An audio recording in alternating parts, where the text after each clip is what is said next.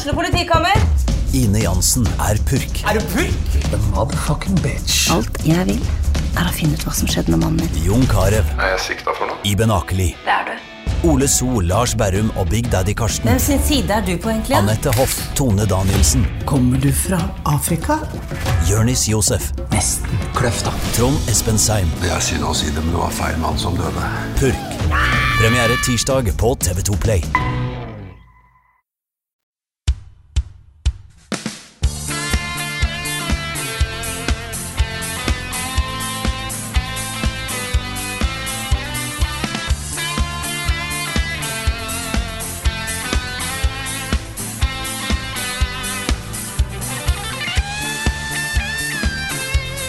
Hallo alle sammen, og velkommen til en ny episode av podkasten Level Backup. Denne gangen her med meg, Frida Landmo. Med meg har jeg Rune Fjell Olsen og Karl Martin Hogsnes tilbake fra Bergen. Ja, Vi overlevde Bergen. Ja. Vi kom oss hjem. så vidt det var. Ja. Ja. Det var veldig hyggelig. Du var dypt savnet, eh, Frida. Og det var Det jo var sånn, Vi innså jo på et eh, punkt her at eh, nå er vi to dudes på en scene som snakker i en mikrofon, eh, Karen. ja, vi er det. Det fins en del to dudes der ute. Det gjør det. Men det var veldig gøy og veldig hyggelig å, å kjøre livepodkast uh, der. Um, og kommer gjerne tilbake. Så um, er et, uh, også spillhuset og alt som skjer der borte, jeg er veldig glad i de greiene her, også. Ja, er, jeg, eh, ja. jeg må komme med en, en selvcorrection. Oi. Mm. Fordi jeg fikk beskjed etter podcasten om at det jeg kalte fanart på veggene til Spillhuset i Bergen, det var ikke fanart, det var faktisk original kunst fra skaperne av kunsten. Oi, shit. Så det var enda kulere, faktisk. Ja. Mm. Så unnskyld at jeg, at jeg feilrepresenterte det spillhuset. Jeg tror du ble tilgitt uh, ganske umiddelbart, Carl. Jeg tror det. tror det. Men Mm. rett skal være rett. Det var, det var original kunst. Men så er det jo ikke alle i Norge som kan bo i Bergen og se oss live. Nei. Eh, og da har jeg gode nyheter til i hvert fall de som bor i Oslo eller omegn. Fordi neste fredag allerede så skal vi på en scene igjen. Det skjer under Oslo Byfestival, hvor det blir satt opp et svært telt på Jungstorget. Og MCA kommer, og det blir masse greier, liksom. Sånn spill, eh, spilltelt, da, rett og slett. Og der skal vi da kjøre live podkast klokka 18.00 fredag 22.9. Det mm, blir kjempegøy. Vi er ikke helt sikre på om det blir en vanlig episode av podkasten ennå, eller om vi skal finne på noe, noe nytt og spennende. Kanskje vi spicer det opp litt? Grann? Kanskje. Det er gratis, Den, gratis inngang, for eh, Mhm. så, så vet dere det.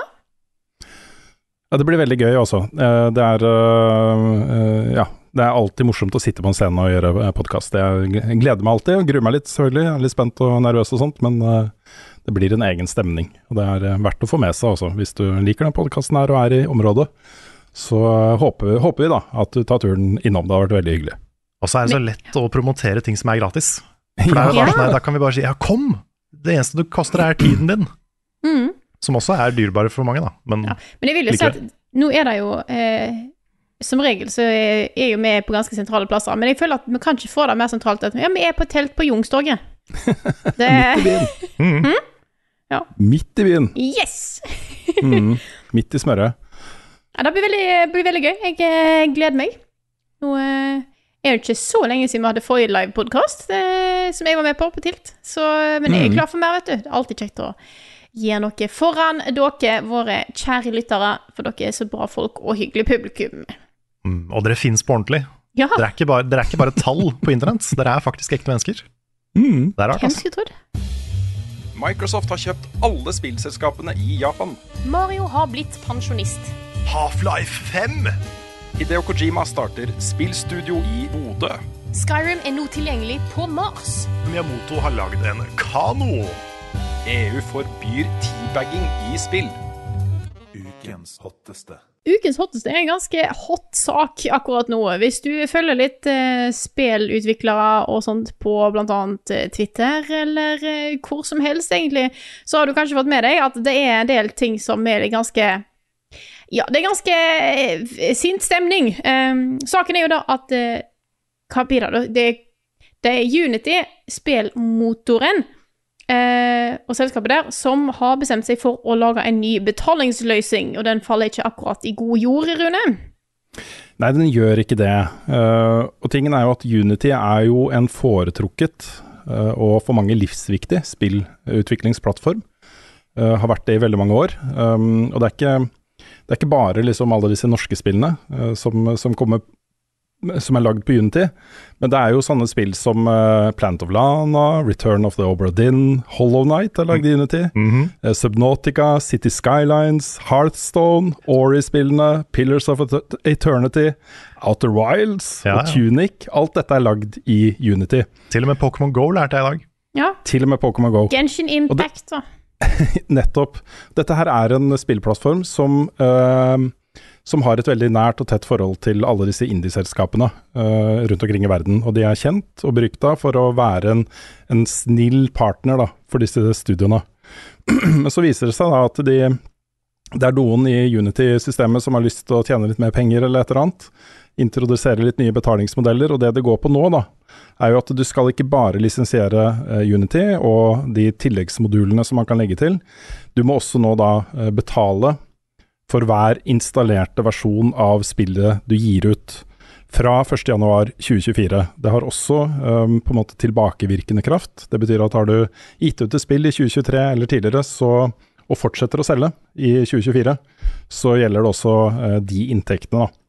Det er et par eh, begrensninger på den, eller sånn, litt, litt sånn som Apple da de introduserte nye betalings- eller inntektsmodeller på, på eh, AppStore. Så må du da selge minimum én million eksemplarer av spillet i løpet av et kalenderår, altså tolv måneder. Eller, og eller tjene minst én million dollar i løpet av da tolv måneder. Så Unity sier jo selv at eh, de fleste spillene som blir lagd i Unity, vil ikke bli berørt av disse nye eh, reglene. Og det er nok noe i det, men eh, reaksjonen er jo kraftig. Både fordi ok, du sitter og lager spill, hva om du da begynner å selge liksom over en million? Hva om du tjener over en million?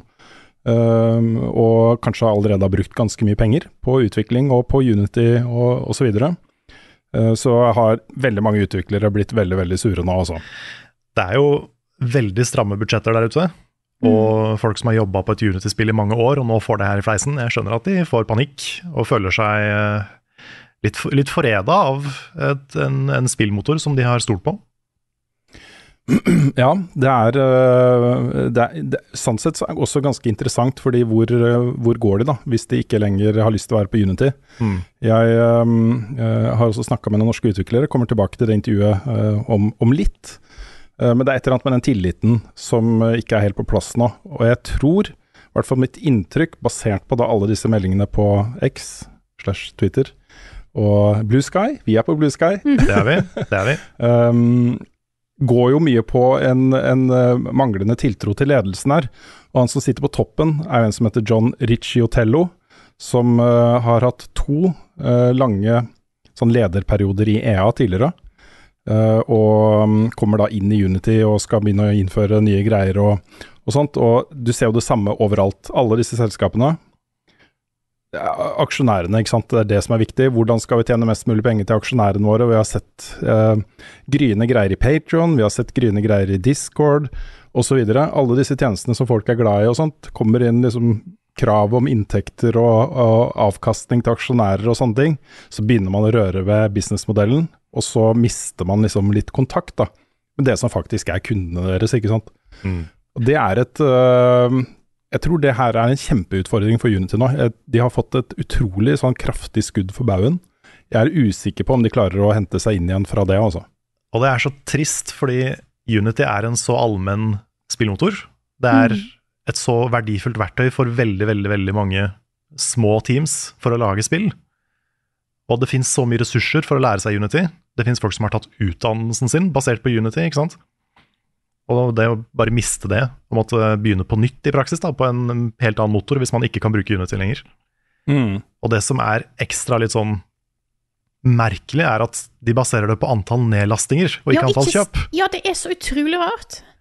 For da kan du i praksis, eh, og det har jo folk uh, varsla om at de er veldig bekymra for, hvis man Mm. har laga et spill med f.eks. av politisk innhold som noen deler av internett blir fly forbanna på, så kan disse menneskene sitte sånn som de blir review-bomba i dag, da. Kan de nå sitte og nedlastbombe. Laste ned spillet, slette det, laste ned spillet, slette det, for å gjøre det Ja, det er dyrere helt for utvikleren. Ja, det er ikke helt korrekt. De må installere det. De må installere det på en PC. Eller, Ja, øh, men slette det, ja. og så installere det igjen og slette det. Ja. ja. Ja, nei, det er uh, helt åpenbart en løsning der, jeg, eller en, et problem der, en utfordring. Jeg er litt sånn usikker på hvordan dette skal måles, for noe av den informasjonen jeg har sett kan tyde på at det er utviklerne selv som må rapportere om, uh, om installasjoner. Um, at ikke Unity kommer til å sitte og liksom uh, logge installasjoner på PC rundt omkring. Nei, for da er vel ikke helt sånn GDPR Nei, det er litt rart. Nei, det vil jeg tro kanskje blir vanskelig. Uh, så, så akkurat den type ting går det jo kanskje an å luke ut, men, uh, men uansett, da, de har jo skapt noe hodebry og problemer. Ikke minst da, si du er tre personer i et lite team som har uh, Oi, vi har fått en kjempesuksess, vi har solgt 1,5 millioner eksemplarer, nå må vi begynne å sant, følge med på sanne ting. Så skal du sitte og bruke tid på det, da. Og ressurser, ikke sant. Um, et annet element her er jo sånne spill som Vampire Survivors, er blitt sett nevnt som et eksempel på et spill hvor en lav pris er en del av businessmodellen. At de selger det for en utrolig lav pris eh, for, for det du får, da. Mm. Eh, og så må man plutselig begynne å legge på eh, der, fordi Unity også skal ha penger for de installasjonene, ikke sant. Jeg så det var en uh, liten mobilspillutvikler som sikkert jeg, jeg tror det var et free to play-spill. Eh, og da har du ikke noe egentlig salgskost, eh, og det er mange som laster det ned, sant. Jeg hadde regna på at uh, hvis dette her hadde vært i, i kraft da de ga ut spillet sitt, så hadde Unity tatt 109 av, av inntektene deres. Det er mer enn 100 da. Det er mer enn 100 Det er det. ja. Det funker ikke bra i et budsjett. Nei. Mm. Men det, det er jo også mange som har uh, dratt fram dette med charity bundles og eh, gratis koder og alle de tinga her. Eh, Ja. Og da har Unity sagt at ja, men det skal ikke bli påvirka. Men det virker Det som det er så mye sånn Ja, det virker som det er så mange sånne der Ja, men det går bra. Ja, men det går bra. Ja, men det går bra. Altså, det virker som De har ikke tenkt over hva de har gjort engang. Mm. Det virker som det er bare en veldig dårlig planlagt endring. Som, hvor ikke de har tenkt på omfanget av det de har gjort. Jeg ser jo at det er utviklere her som sier eh, at nå tar de bare farvel med Unity. Nå er det Mm. nok, nå vil de ikke mer. Eh, neste spillet deres blir ikke på Unity. Vi kommer nok til å se en del av den type utmeldinger eh, etter hvert, eh, tror jeg. Men vi har jo fått et spørsmål også som jeg syns er relevant, da, fra Silacoid, som påpeker at eh, det er ikke sikkert de andre alternativene er så bra, de heller. Hvor han, han nevner da Epic Games, altså Unreal Engine. Ja, for Hvor- de, de har krangla litt om å være verstinger. Ja, det er litt sånn, altså. Ja, Unreal har også vært mye dritt, og det har jo vært litt sånn forbeholdt de store utviklerne på, noen, Mhm. på noen måter, fordi, fordi Unreal har mye høyere avgifter for å bruke det. Mm. Mm. Ja, det er, en, eh, det er på en måte i praksis en høyere inngangssum for Mm. å begynne å bruke engine og lage spill i den. Eh, men det Silacoid påpeker, er jo at, eh, at eh, eh, ifølge da brukeravtalen til de som bruker en real engine, så eh, har du ikke lov til å delta i felles søksmål mot Epic. Eh, det vil da automatisk annullere lisensen eh, som, som du har, da. Og det er sikkert en del sånne greier der som ikke er helt, helt sånn stuereint, eh, hvis du er en liten innutvikler der også. Nå vet Mm. jeg Det finnes jo andre alternativer enn det også. Jeg tipper jo at uh, dette er jo en god anledning da, for uh, mindre uh, engines som er laget for indieutviklere, til å ta et skritt videre. Mm. Men det er vanskelig å komme unna uh, også hvor, hvor uh, langt Unity har kommet. Jeg husker jo da, den, da de introduserte Unity, så var det litt begrensa hva man kunne gjøre med den. Men nå kan man jo gjøre mer og mer og mer og mer. Mm. Og mange av de beste spillene jeg spiller, er lagd i Unity. Bare det at Hollow Knight og Plant of Lana og den type spill er lagd i Unity, Mm. eh, sier jo alt om hvor god den engine nå har blitt, da. Ja, og du kan lage så mye forskjellig nå, liksom. Det er, Mm. eh, det er så utrolig mye variert og bra som kommer fra den enginen. Jeg har hørt om sånne ting som Godot og sånn, som har begynt å komme opp og fram. Ja, det nevner også Åsan, Åsan, uh, som jeg skal straks sette over til et intervju med, som, som noe de snuser på, nå. Mm. Eh, Kan jeg ta et uh, sitat fra skaperne skaperen av Slay the Spire, som ble lagt ut på sosiale medier i dag? Ja. absolutt. For det er, uh, det er da en sånn public statement eh, hvor det står eh, Megacrit's team has been hard at work these past two plus years on a new game, but unlike with the Slay the Spire, the engine we have been developing it in is Unity. The retroactive pricing structure of runtime fees is not only harmful in a myriad of ways to developers, especially indies, it is also a violation of trust. We believe Unity is fully aware of this, seeing as they have gone so far as to remove their terms of service from GitHub. Despite the immense amount of time and effort our team has already poured into development of our new title, we will be migrating to a new engine unless the changes are completely reverted and terms of service protections are put in place. We have never made a public statement before. That is how badly you fucked up. Ja. Ja. Så det er, det er ganske, ganske dårlig stemning. Ja, men da forstår Dette jeg det veldig godt. Mm. Men dette er jo også en, et lite signal da, om at jeg tror ikke denne saken er over. Jeg tror uh, det blir full retrett. Jeg tror uh, Ricci Otello og de andre kommer til å legge seg flate og, og gå tilbake på disse tingene. Jeg, jeg føler ikke de har noe valg. Jeg tror sist jeg jeg så ansiktet hans overalt på internett, det var i forbindelse med Battlefront 2. Det kan, det kan stemme, Den altså. forrige kan stemme. gigakontroversen rundt uh, Ja, Jeg skal ikke si det helt for sikkert, men uh, det, det mener å huske du har rett. jeg tr tror det var han. Mm. For jeg har jo forståelse for at eh, altså, ting har blitt dyrt. Prisene går opp. Det er ikke eh, bare oss eh, konsumere som merker det, firma merker det òg. Og jeg forstår hvis, en, hvis Unity eh, ser at oi, vi har ikke nok inntekter, vi må sette opp prisen litt. Og da sette opp prisen litt ut ifra de eksisterende betalingsmetodene, bare prisen blir litt høyere. Da er det greit! Å skifte betalingsmetode på denne måten her, eh, så ekstremt, på den måten der at du faktisk ødelegger for alle som bruker produktet ditt, da kan ikke ha blitt tatt av noen som forstår spillmarkedet. Ja, det er noe med det, Frida. Ja. Jeg Det foreslår at vi um, lar de norske utviklerne få lov til å uttale seg også, for de kom med mye bra. Det var to veldig veldig spennende samtaler jeg hadde da tidligere i, uh, tidligere i dag. Uh, for norsk spillbransje er jo sterkt berørt av disse endringene. Det er fryktelig mange norske studioer som bruker Unity til å lage spill. Et av de studioene er uh, Perfectly Paranormal, som har laget Manuel Samuel og Helheim Hassel, og som akkurat nå er i sluttspurten på The Holy Gosh Darn. Jeg ringte opp da Åsan Drøsdal i Perfectly Paranormal tidligere i dag for å høre hvordan han reagerer på den nye forretningsmodellen til Unity. So let me get this straight. Heaven is gonna blow up today, and you've only given me six hours to stop it. Actually, I've given you more like 20 minutes tops, yo. Al altså, jeg syns hele greia er bananas, fordi de snakker ikke bare om en revenue-greie. så Steam tar jo 30% av salget. Hvorfor, ikke, hvorfor innfører ikke de noe sånt, men at det skal liksom begynne med sånn fordi Selv om det er per installasjon, så er det jo hvis du installerer én kopi på hjemme-PC-en din og én på jobb og én på laptopen, så er det jo fortsatt tre kopier som gir ingen mening for meg. Eh, og, og det har gått tilbake på en del ting. Det var folk som var bekymra over at demoer og sånn skulle, At Man måtte begynne å betale for det. Og folk bare ja, hva med når uh, spillet vårt kommer ut på Xbox GamePass? Da blir det lastende. Altså, Manu Samuel ble jo, var med i en Humble Bundle-greie hvor det ble lasta ned 500 000 kopier, tror jeg, på eh, et par dager. Jeg vil ikke få regninga for det.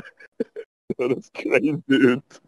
Er det, er det et øh, Jeg vet ikke hvor mye du kjenner til det, men er det et lite problem øh, med et skifte av fokus hos ledelsen i Unity? For der har det jo kommet inn noen tungvektere fra, fra EA bl.a. På, på toppen. øh, Og de, det virker som om de på en måte prøver å finne en eller annen økonomisk modell da, som, som kanskje er bedre tilpassa aksjeeierne i Unity enn de som lager spill med Unity?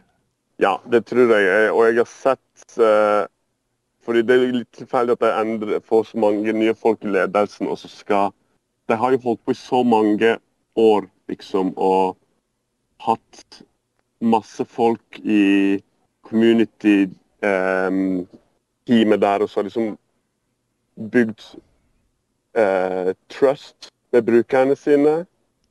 Og liksom, det, ja, det er veldig out of character òg for Unity. Og folk har jo stolt på dem. Fordi det er ikke så Før lagde de dine egne engines og Ja, for Lenge, lenge siden. Men um, folk har på en måte stolt på Unity og sagt ok, greit, vi skal lære oss deres tech. Og vi har en dialog, på en måte. Vi skal investere masse tid og penger i å bruke Unity. Det har vi òg gjort. Vi har masse pipelines og eh, workflowen vi har laga. Alt er jo laga med en eh, trust til Unity. Vi bare OK, vi skal investere tid og penger i dere. Og det at de plutselig dropper noe sånt, er veldig bekymringsverdig. Selv om det ikke går gjennom. Det er liksom, ok, Når du har fått folk i ledelsen som bare sånn finner på ting plutselig, eller prøver seg, så liksom uansett hva som skjer, så tror jeg alle bare stoler mindre på Unity nå. Unity er jo berykta, eller kjent og elsket for å være på en måte indie-utviklernes bestevenn. Du har jo spilt alt fra liksom Obra Dinn til eh, Subnautica, Ori-spillene, dine spill osv. blir lagd med Unity. Er det nå en um, også Hva er alternativene? Hva kan skje her? Hvilke plattformer kan, eh, kan du og andre eh, finne på å gå over til nå? Jeg er veldig, jeg er veldig lite sånn um, Jeg er veldig lite savvy på på utviklingsdelen, sånn eh, koding og motoren og alt sånt der. Men jeg har hørt at det er mange som har gått over til noe som heter Godot. Jeg har ikke sjekka hva det er for noe. Eh, og jeg spilte jo faktisk et spill på Steam-hindagen som så veldig bra ut. Et 2D-eventyrspill.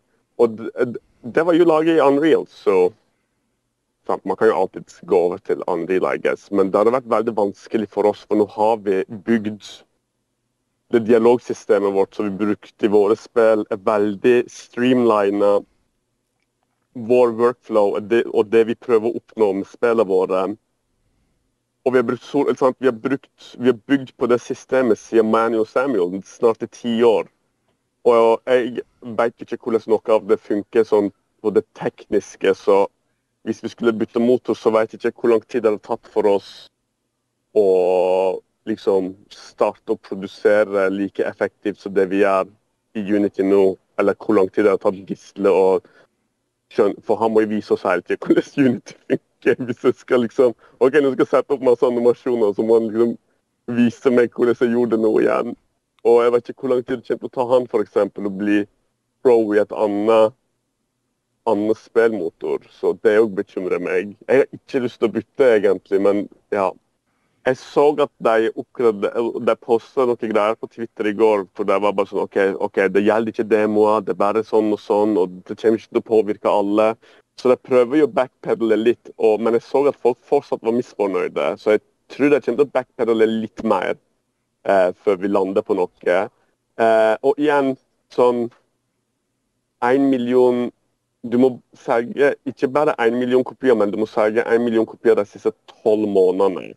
Mm. Og du må i tillegg tjene én million dollar, tror jeg jeg så. Så, du må, sant? så hvis du selger 500 kopier, 10 dollar per, så har du tjent ganske masse penger før du fortsatt trenger å betale noe. Helt ærlig så tror jeg ikke For en studio i vår størrelse så tror jeg ikke det kommer til å Jeg vet ikke om vi kommer til å merke det. Men tilliten øh, høres ikke ut som er helt sånn som det var. Ja, fordi vi kommer til å gjøre ferdig de Garsdalen nå, og, og så må vi egentlig spørre oss sjøl skal vi lage neste spill i Unity, eller skal vi jumpe ship? Fordi hvem veit hva mer crazy shit de finner på seinere, hvis de plutselig kan finne på noe sånt. Det er der jeg er bekymra. Jeg tror ikke akkurat dette vil um, påvirke oss, men nå er det sånn OK, så de kan bare finne på stæsj. Der tar crazy 180 avgjørelser og liksom introdusere uhørte ting. Eh, det er det som eh, har klappa meg feil vei, egentlig, med hele greia. Så det, jeg tror det er det vi kommer til å gjøre. Vi kommer til å gjøre ferdig Holy Gashtan nå i Unity, business as usual. Og så må vi bare um, spørre oss sjøl.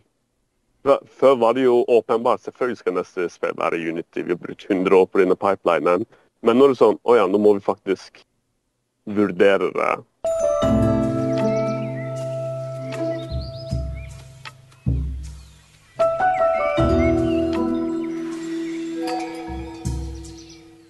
Nå har jeg da fått en annen norsk utvikler på tråden, nemlig Are Sundnes i Hypergames. Og Are, hvordan har disse nyhetene blitt mottatt hos deg og ditt eh, selskap?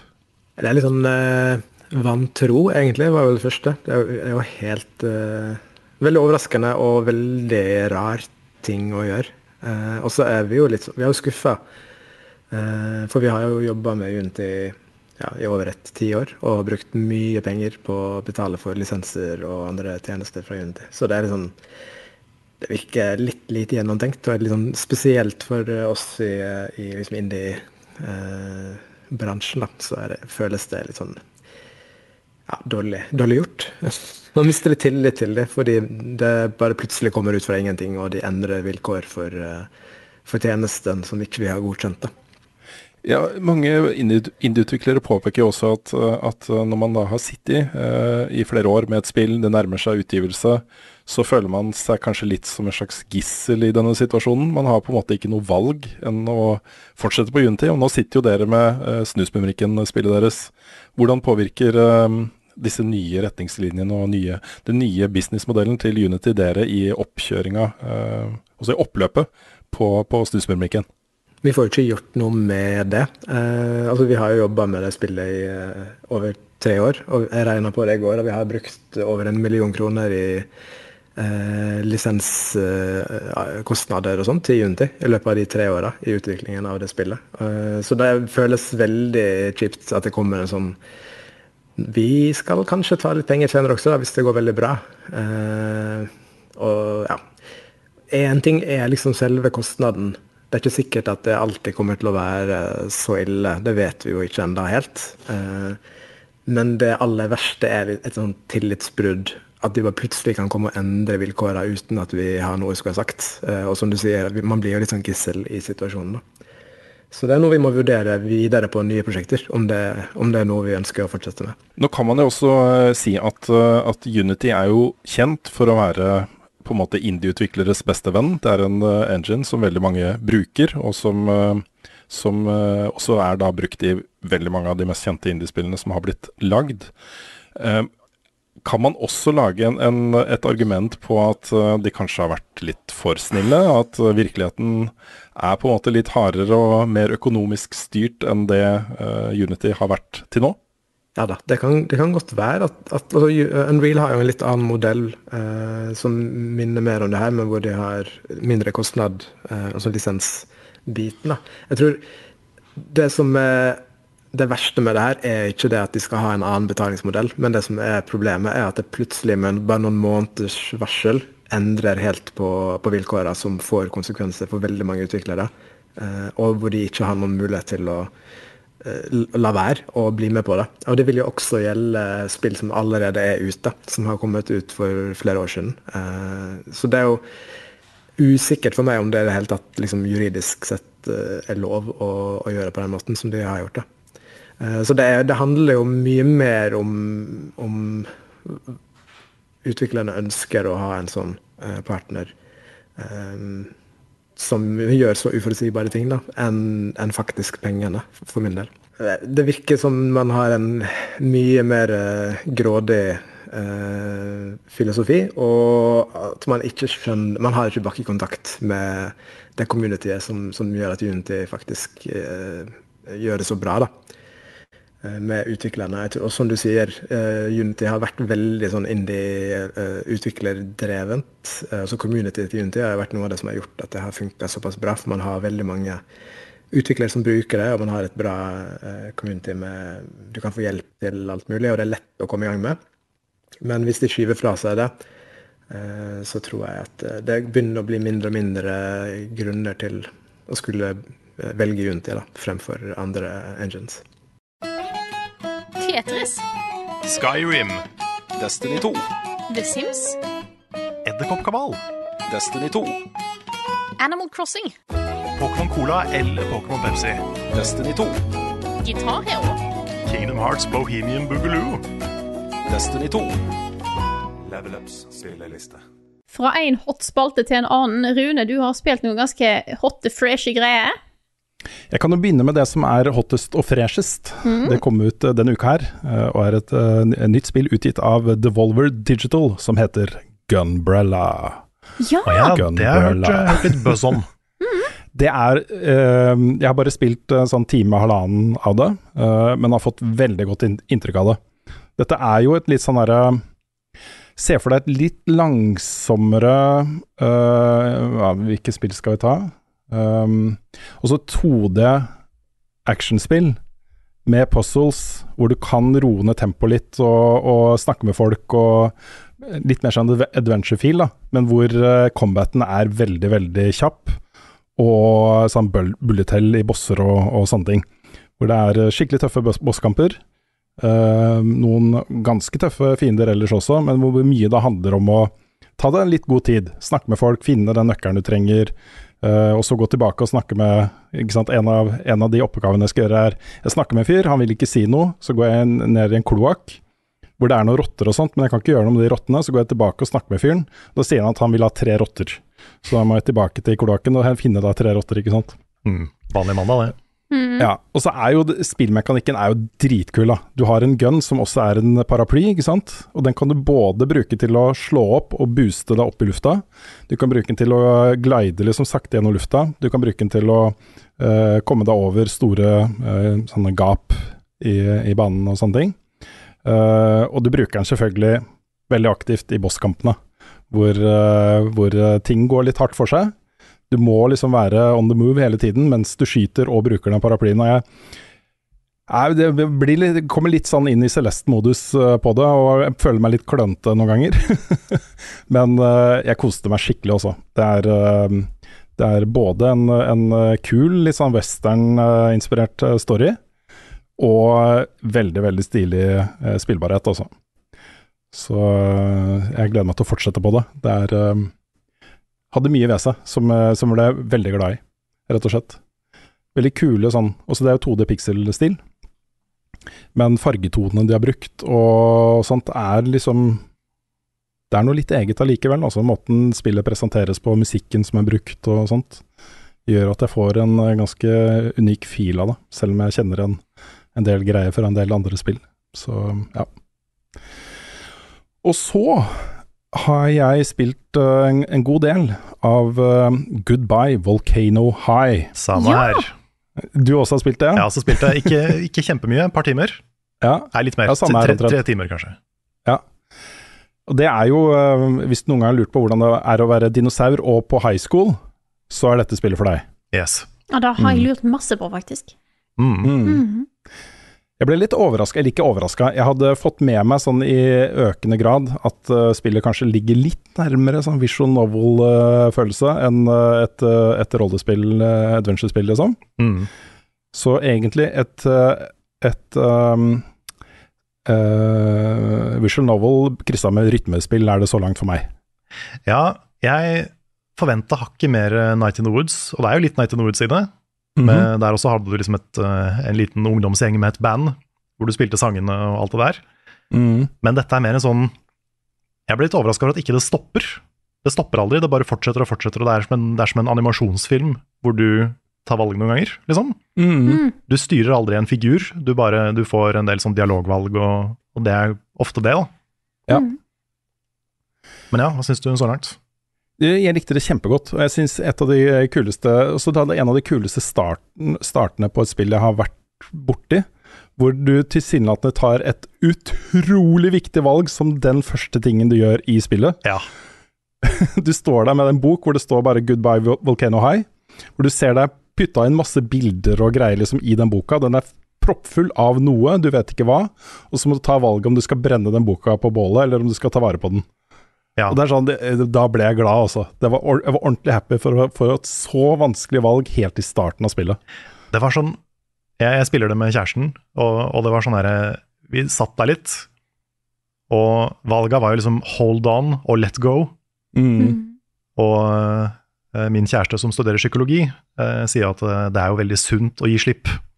Ja. Derfor så Ja. valgte vi let go, men, men jeg merker nå at liksom Når jeg spiller spiller mer, Mhm. at det, det var sikkert mye viktig den boka. da.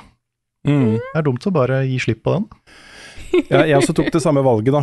Eh, og har jo blitt litt sånn det, Altså, de valgene man tar som påvirker fremtidig innhold, er jo på en måte litt i gate med det du har i, i andre spill, altså Telltale-spillene f.eks. Life is strange. Men- og, Ikke sant? Men valgene er så Det, er- det er så små nyanser, liksom. Eh, på Skal du være litt sarkastisk mot denne personen? Skal du være eh, snill? Skal du være litt frekk? Men de er ikke så langt fra hverandre, og så får du denne greia at dette kommer personen til å huske. ikke sant? Det Mm. valget du tok der, er viktig for frem, eh, det som skjer framover. Og det syns jeg også er litt kult, for det er ikke sånne der svære Skal du drepe denne personen, eller skal du gifte deg med den, liksom? Det er veldig, veldig veldig nyansert, sånne små Ikke sant? Mm. Det også likte jeg kjempegodt. Det var et øyeblikk ganske tidlig i spillet hvor jeg, som, jeg, som jeg følte liksom traff litt. Og det er når um, da Fang, hovedpersonen eh, Jeg husker ikke om det er da Fang som forteller det, eller om det er broren. Men uh, snakker om det, dette med foreldrene, og hvordan foreldrene reagerer på da Fang sin kunst. Mm. At det er sånn 'Å, du er så kreativ', og eh, At det er veldig sånn vage tilbakemeldinger. Mm. Ja. Fra, fra, fra foreldre som er litt sånn sjekka ut, Jeg skjønner ikke helt hva det er Hva det er som er viktig med det, liksom. Den traff meg litt. Mm. Der, du, du vil på en måte oppnå en forståelse som du ikke helt oppnår. Mm. Der, der, der var det noe veldig sånn menneskelig, syns jeg. Og så er det jo også et mysterium her, som jeg ikke helt vet hva er ennå. Men eh, det er jo sånn telefonene slutter plutselig å virke, og lyset går og sånne ting. Det er noe e- elektromagnetisk påvirkning i dette området her, som vi ikke helt vet hva er ennå. Um, jeg har, eh, har et lite håp da, om at det skal utvikle seg i noen retninger som er litt sånn gærne. Ja, er, er, men er ikke, det, er ikke det meteoren, holdt på å si? Og er det en meteor her? Jeg har ikke fått med at det er en meteor. Å ja, det er ganske tidlig i spillet du får Da, da tror jeg var en del av eh, promomaterialet, faktisk. For det har jeg jo fått med meg. Ja, jeg har, øh, jeg har kommet til det punktet hvor øh, hvor Ja, det er litt forbi det, da. Men de har jo blitt antatt til Battle of the Bands. Ja. Og så har vi hørt et par låter da, av Fang. Jeg syns den musikken er skikkelig bra, altså. Ja, den er veldig fin. Den er overraskende fin. Mm. Akkurat spilt Stray Gods, ikke sant. Jeg syns disse låtene her sitter bedre, altså. Mm. Dette er et spill jeg har eh, gleda meg til å teste, så nå er det kjekt å høre at eh, dere liker det. Da er det bare for meg å se fram til hva jeg har i vente. Mm. Yes. Jeg er litt, jeg er litt sånn blanda på den visuelle stilen, merker jeg. For det er jo det er en veldig særegen, veldig sånn anime, men alle er menneskelige dinosaurer. Mm. Og jeg vet liksom ikke helt om jeg er fan av karakterdesign alltid. Jeg synes det, det kan bli litt sånn rart en del steder. Fang er kul, da. Fang er kul, Fang er veldig kul. Men eh, det, det, det kan være litt distraherende. Um, og så er det noe med lydmiksen, hvor jeg merker at liksom når en replikk stopper, og en annen begynner, så er det et bitte lite mellomrom Mm. som kan føles litt kunstig. Ja. Og det dro meg litt ut av samtalene i starten. Men det er sånn der småpirk som likevel liksom har en, det har en effekt, da. Mm. Men sånn totalt sett, spesielt etter at jeg begynte å bli litt mer engasjert i historien og sånn, så liker jeg det veldig godt. Så jeg gleder meg til å fortsette på det. Dette eh, går rett inn på hva skal man si, den usikkerheten mange går og bærer på da, når man er nesten ferdig med skolen. ikke sant? Man er senior og skal gå ut av high school, Mm. eller videregående som det blir for oss. Og så er det en veldig tydelig parallell til global oppvarming her, Mm. med da den uh, litt sånn kommende dommedagen som ligger og ulmer uh, over hele spillet. Mm. Og eh, det er jo Her så er det på en måte en sånn svær meteor, men, i, men, men det er veldig tydelig den der måten de skildrer det i sosiale medier, og hvordan de snakker om det, og sånn at det er, dette er veldig Dette er veldig verden 2023. Mm. Kanskje litt pandemien og, og, og sånn òg. Ja. Ja, Så- nei, jeg, likte, jeg liker spillet så langt uh, veldig godt uh, sjøl. Så um, det også skal fortsettes uh, på. Absolutt. Skal jeg uh, ta over? Gjerne. Jeg har spilt én ting til, uh, og det er det splitter nye Final Fantasy mobilspillet. Ja! Oi! Ja. Final Fantasy 7 Ever Crisis, Mm. som nå har kommet. Og dette er det nye femstjerners Doffen. Er det da? Det er det nye femstjerners Doffen, Å, ass. shit. Dette er et uh, i veldig samme gate som da det Kingdom Hearts-spillet var, som nå er lagt ned. Mhm. Så har det kommet. Og det har som ambisjon å fortelle hele Final Fantasy 7-historien, med alle spin-offs og filmer og alt. Ja, det var da dette spillet skulle være, ja. Oh. Yes. holy shit. Ja, mm. Eh, og måten de gjør det på, da, det er jo å fortelle historien veldig kjapt. ja, de må jo da. Ja, og det er jo ikke alt ennå. Jeg vet ikke hvor mye det er ennå, for jeg har ikke spilt gjennom historien ennå. Men det er vel mest sannsynlig i hvert fall like mye av Final Fantasy 7 som de dekker i remake 1. Jeg tipper kanskje det gir seg på samme sted. Mhm. Så har du litt av starten på da Crisis Core, som fikk en remake i, i, i jula, tror jeg. Ja. Eh, pluss en ny historie som eh, er basert på det derre uh, First Soldier um, ja. Ja, ja, Battle. Royale-spillet som feila, Mm. hvor du spiller som liksom hovedperson Glenn. Glenn! En veldig vanlig dude som liksom ved siden av Cloud og Zack, så ser han litt sånn ja, han, ser, han ser litt vanlig ut. Ok, kan jeg bare, bare remind me, hva var det han hette, han her eh, hovedpersonen i dette Final Fantasy-spillet nylig? Tenker du på Jack Garland? Jeg tenker på Jack, ja. Det, Ja. det er noen må ta et oppgjør med de som driver og gir navn til karakterer i den serien deres. Det, Mm. Ja, Jack jeg hadde jeg aldri trodd jeg skulle få se i Final Fantasy. Nei, Glenn er òg oppe på den lista for meg. Ja, det er det. Det er det. men, um, men nei, det, dette er jo da et spill som på en måte er en, det er en sånn der eh, sammendragshistorie-versjon av Final Fantasy 7, på en måte. Du får alle de viktige scenene, men for eksempel altså, hopper det rett fra første bombing mission, den der ikoniske første mission i, i 7, Mhm. rett til barn til Tifa, og rett tilbake til mission 2, på en måte. Ja, okay. Ja. Så den hopper veldig fort fra det ene til det andre. Men og det det er, er- på, en måte, på en måte greit, for du får med deg det viktigste. Ja. Eh, Det er ikke, ikke en måte jeg ville anbefalt å spille gjennom den historien på for første gang. Det er mer som en sånn oppfrisker, uh, føler jeg, da. Mm -hmm. uh, Og som det så funker det ganske bra. Stilen er basert på originale Final Fantasy 7, bare mye mindre uh, pikselert, eller mye mindre sånn gammal. ja. Det ligner litt mer på sånn de ser ut i 9, kanskje? Mhm. den type proporsjoner, men, men litt mer detaljert, detaljert. Da. Så sånn visuelt og ehm, teknisk syns jeg det er helt ok. Men så er det et mikrotransaksjons-gacha-spill fra helvete. Ah, fuck. Sånn virkelig, liksom. Etter Du har så vidt fått et ganske ok førsteinntrykk av spillet, så blir du sendt til main menu for første gang. Og da kommer den derre strømmen av plakater og tilbud og special offers og 12 hours only og alt det Ja. der. Å, fy fader. Og jeg hater det. Sånn virkelig ja, Den delen av spillet er bare sånn Jeg hadde lyst til å bare slette det med en gang. Jeg har ikke gjort det, da, jeg har fortsatt å spille. Men jeg har, jeg har ikke brukt penger. Jeg har ikke tenkt å gjøre det. Mhm. Jeg vil se hvor langt jeg kommer uten å bruke penger. Og det har for så vidt gått greit til nå. Du får en del sånn der eh, gratis currency, men jeg ser for meg at den kommer til å tørke inn etter hvert. da. Ja. Sånn som den alltid gjør. Og, um, og så er det også et sånt spill som etter du er ferdig med tutorialen, så får du tilgang til autoknappen. Ah. Og da spiller jo på en måte spillet seg sjøl. Ja. Og det spiller seg sjøl like bra som du spiller, i hvert fall foreløpig, da, for meg. Med mindre det kommer noen eh, advanced strats etter hvert. Og Da frier du jo masse tid da, til å gå og sjekke i shoppen og se om det er noe du kan bruke penger på. Ikke sant? Da kan du liksom bare Fordi du kan jo si at alle RPGs, alle rollespill, er spill om tall, liksom. Om å ha Mhm. større tall enn finnene sine tall. Hvis du vil se veldig kynisk og reduktivt på det. Er det et ord på norsk? Reduktivt? Jeg tror det. Ja. Nice. Men jeg vet ikke, det er litt eh, komplisert, da. Ja. Men altså, jeg ville brukt du- det trist. og Se litt trist på det. For det er jo ikke Litt- Hvis du, noe- ja, hvis vi ser litt trist på det. Akkurat Ja. som alle skytespill er en whack-a-mole-simulator, liksom. Ja. Det er ikke en kul ting å si, selv om det er litt sant. Ja. Um, men når du har den autoknappen, da, og alle de andre tinga her, det er jo 100 forskjellige mechanics for å, for å få bedre equipment og bedre stats og bedre det ene og det andre. Du leveler opp, og så har du liksom materia, og så har du equipment, og så har du et skill-tre, og du har liksom veldig mange sånne ting. Og da blir det bare et spill om tall, Ja. liksom, når, du, Mm. når de i tillegg spiller seg sjøl.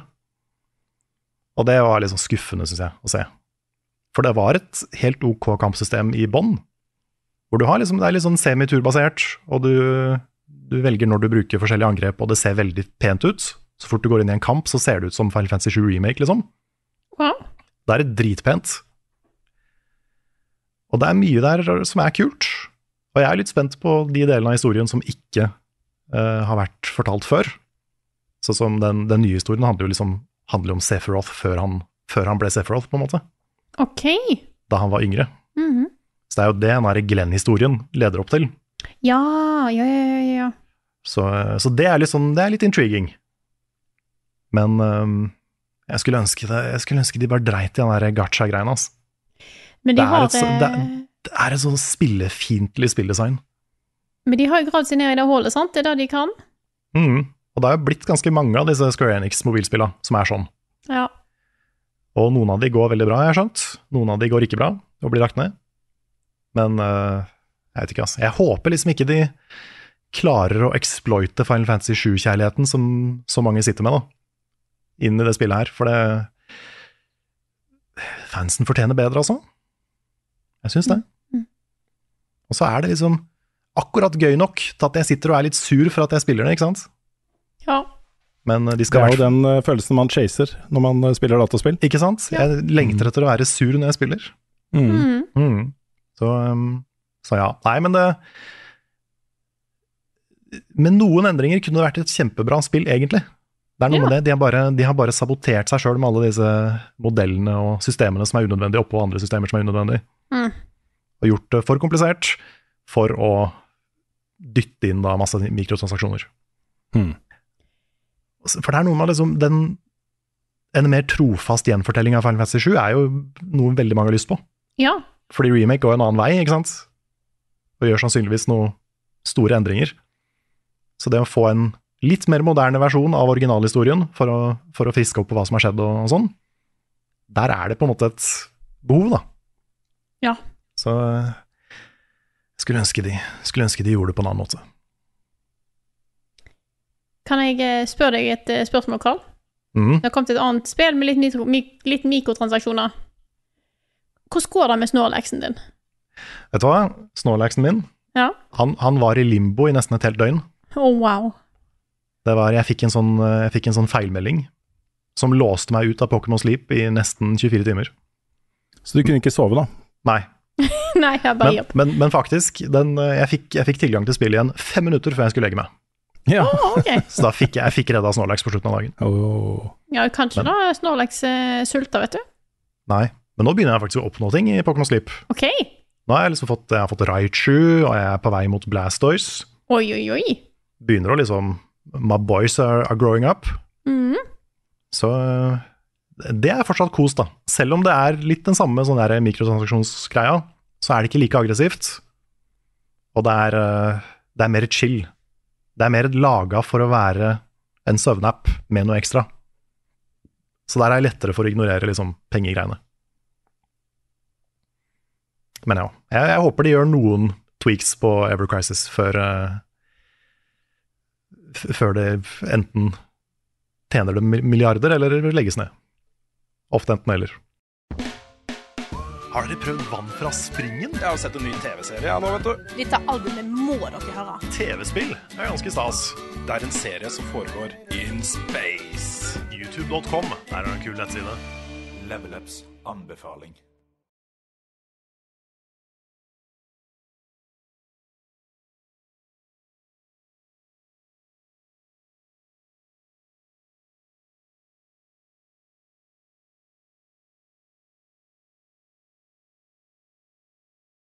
BM, håper du er klar for tre anbefalinger, for i dag serverer vi en anbefaling hver. Jeg vet ikke hvem som har lyst til å begynne. Rune, du, det virker som at du, eh, du var tidlig ute ved å si at du hadde anbefaling, så da får du, du lov til å begynne. Jeg kan godt begynne. Jeg har til og med en bonusanbefaling. Oi, Oi. fire? Eh, det er en- det mye. Oi, Ja, ikke jeg må ta fram bæreposen, så du får plass Ja, alle anbefalingene. uh, det er en TV-serie på Netflix som heter The Night Agent, og noen har anbefalt den for meg eh, privat. Jeg lurer på om det kan ha vært Håvard, jeg er litt usikker. Jeg har i hvert fall fått den anbefalt, men jeg har liksom sett på den og sånn åh, den ser ut som alle de andre millioner sånne der thrillere med noe konspirasjon i Det hvite huset og sånne ting, ikke sant. Mm. Så den har ikke frista så veldig. Men så satt jeg meg ned og begynte å se den. Og det er altså så forfriskende å se en sånn type serie, som er veldig sånn lettfordøyelig og, og spenningsfokusert. Faktisk legge litt innsats i å lage kule plot twists og fortelle um, mer av hvem de forskjellige rollefigurene er og sånne ting. Så bad guys i dette spillet blir ordentlig presentert. At de har flere lag, og det er ordentlige rollefigurer, hvor du ser at skuespillerne også koser seg. De får lov til å være mer enn bare en helt vanlig sånn A4 bad guy, ikke sant. Så, så dette var en serie jeg endte opp med å like veldig godt, og den ble bare fortært. eh, Ti episoder. Uh, Syns det var en veldig god thriller. Så, um, så um, jeg vil anbefale den. Men det jeg egentlig vil anbefale mest, da, denne uka her, det er et band jeg har hørt på ganske mye det siste året, sannsynligvis, tenker jeg. Og det er da et tysk teknokorps som heter Moite. Oi. Teknokorps. Ja, altså, jeg, vi har snakka om i podkasten tidligere også, jeg har til og med kanskje muligens nevnt Mointe før. Uh, men jeg spilte jo tuba i korps, og du spilte også korps, eh, Frida, gjorde du ikke det? Ja, jeg spilte tverrfløyte. Ikke sant? Så det å se da Altså, det er også så fett å høre på. Du ser de, de dudesa, de står i sånne korpsuniformer, og de har saksofoner og klarinetter og trompeter og alt dette her, liksom. Men så lager de, med da de instrumentene, så lager de eh, tekno, liksom. Går det an å lage fin musikk med tuba og tverrfløyte?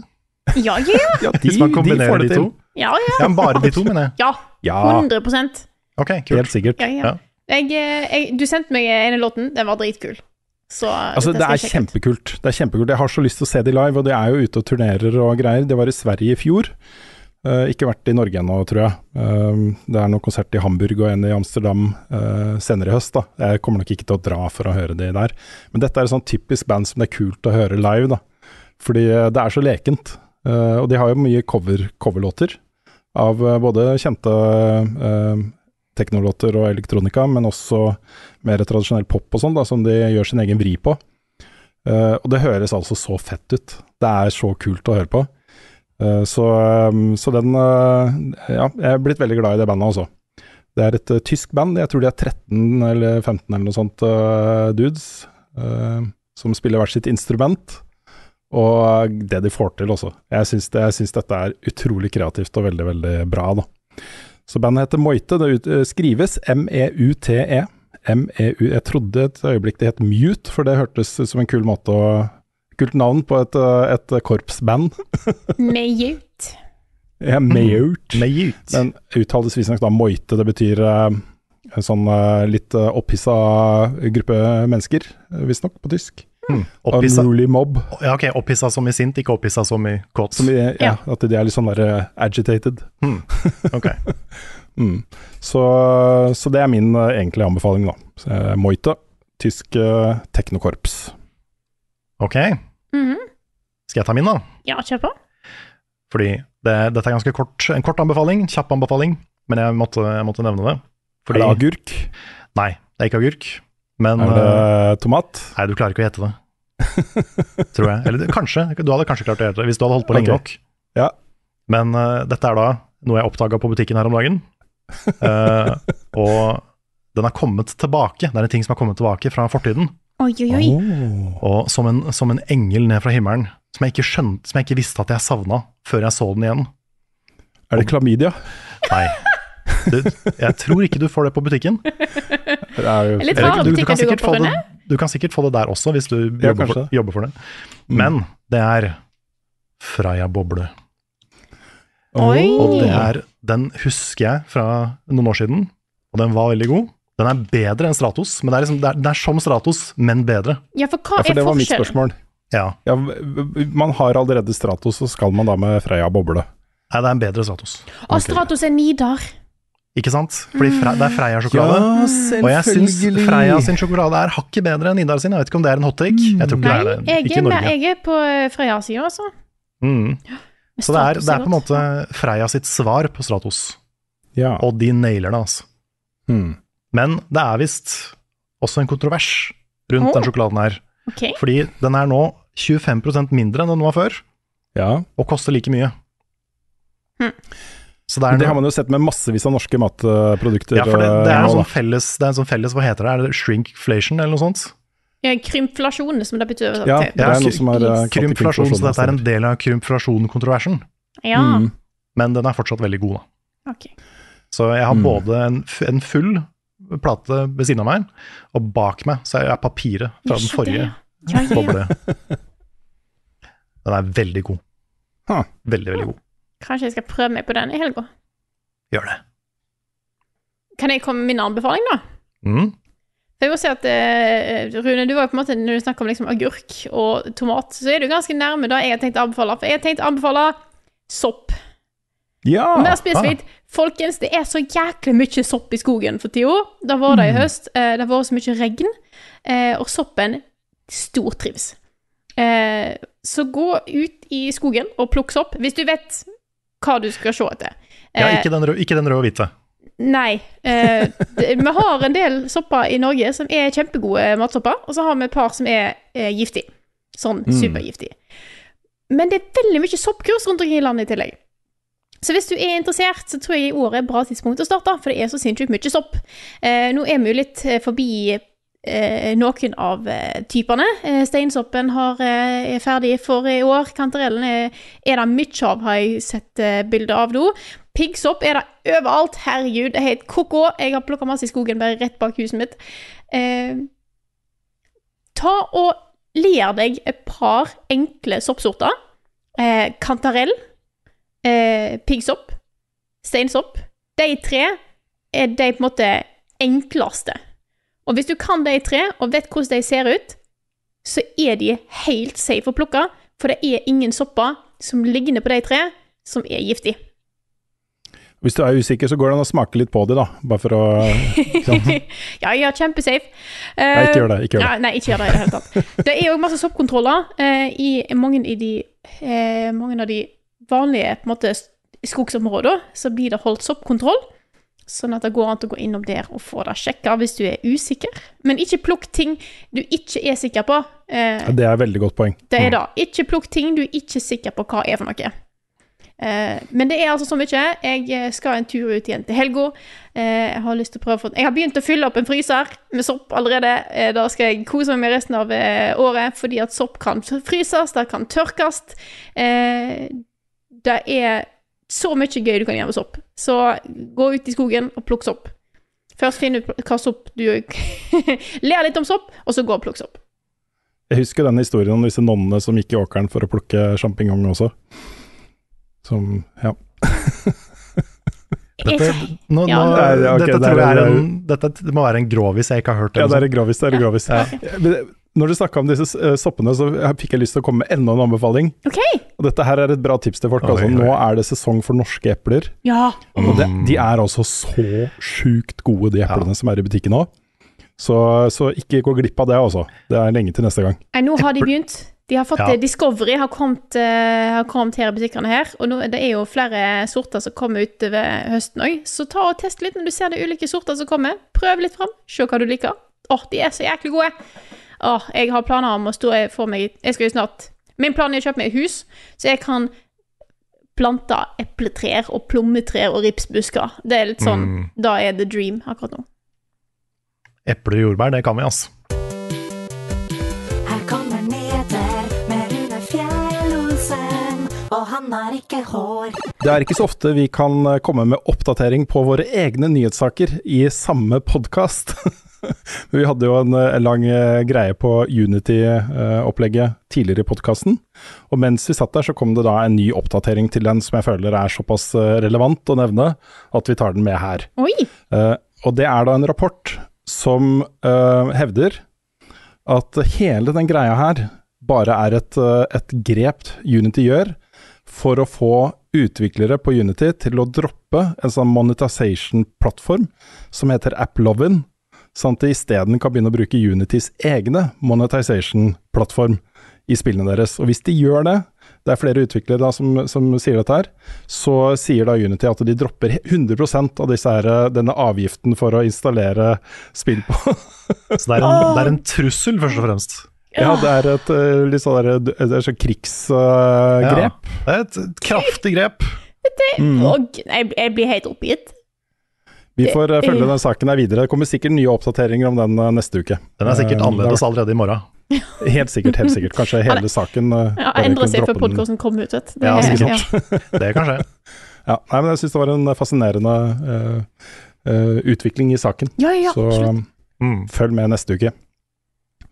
Uh, det har jo vært en Nintendo Direct som for en gangs skyld var en time før vi skulle spille inn podkast. Ja. Da Tenk skjer på det. Endelig Nei. så har de tenkt på oss. Ja. Mm. Det var veldig hyggelig av Nintendo, syns jeg. Mm. Det, det var det. Um, det var jo ikke de aller største saftigste, kuleste, helt nye greiene vi fikk se da. Mye remakes, veldig mye remakes. Men det er jo noe med disse remakesene her som kanskje smeller litt ekstra hardt. Ja, Spesielt den Um, siste. Ja, de avslutta jo da med å avsløre at eh, Paper Mario, uh, The Thousand Year Door, skal komme ut eh, i remake eh, sommeren 2024. Fy fader. Ja, fy fader. Ja, det er jo et av de beste Nintendo-spillene. Ja, det er et av de beste spillene jeg har spilt. Det er ikke topp ti, Mm. men det er nok topp 20. Og det er, det er noe Jeg syns det er noe fascinerende her, for nå har du eh, Super Mario R, nei, Mario RPG, som kommer nå Mhm. denne høsten. Eh, så har du Thousand Year Door, som kommer sn da snart. Som er jo ganske heavy RPG-spill, men de to Altså blant de største som Nintendo har lagd.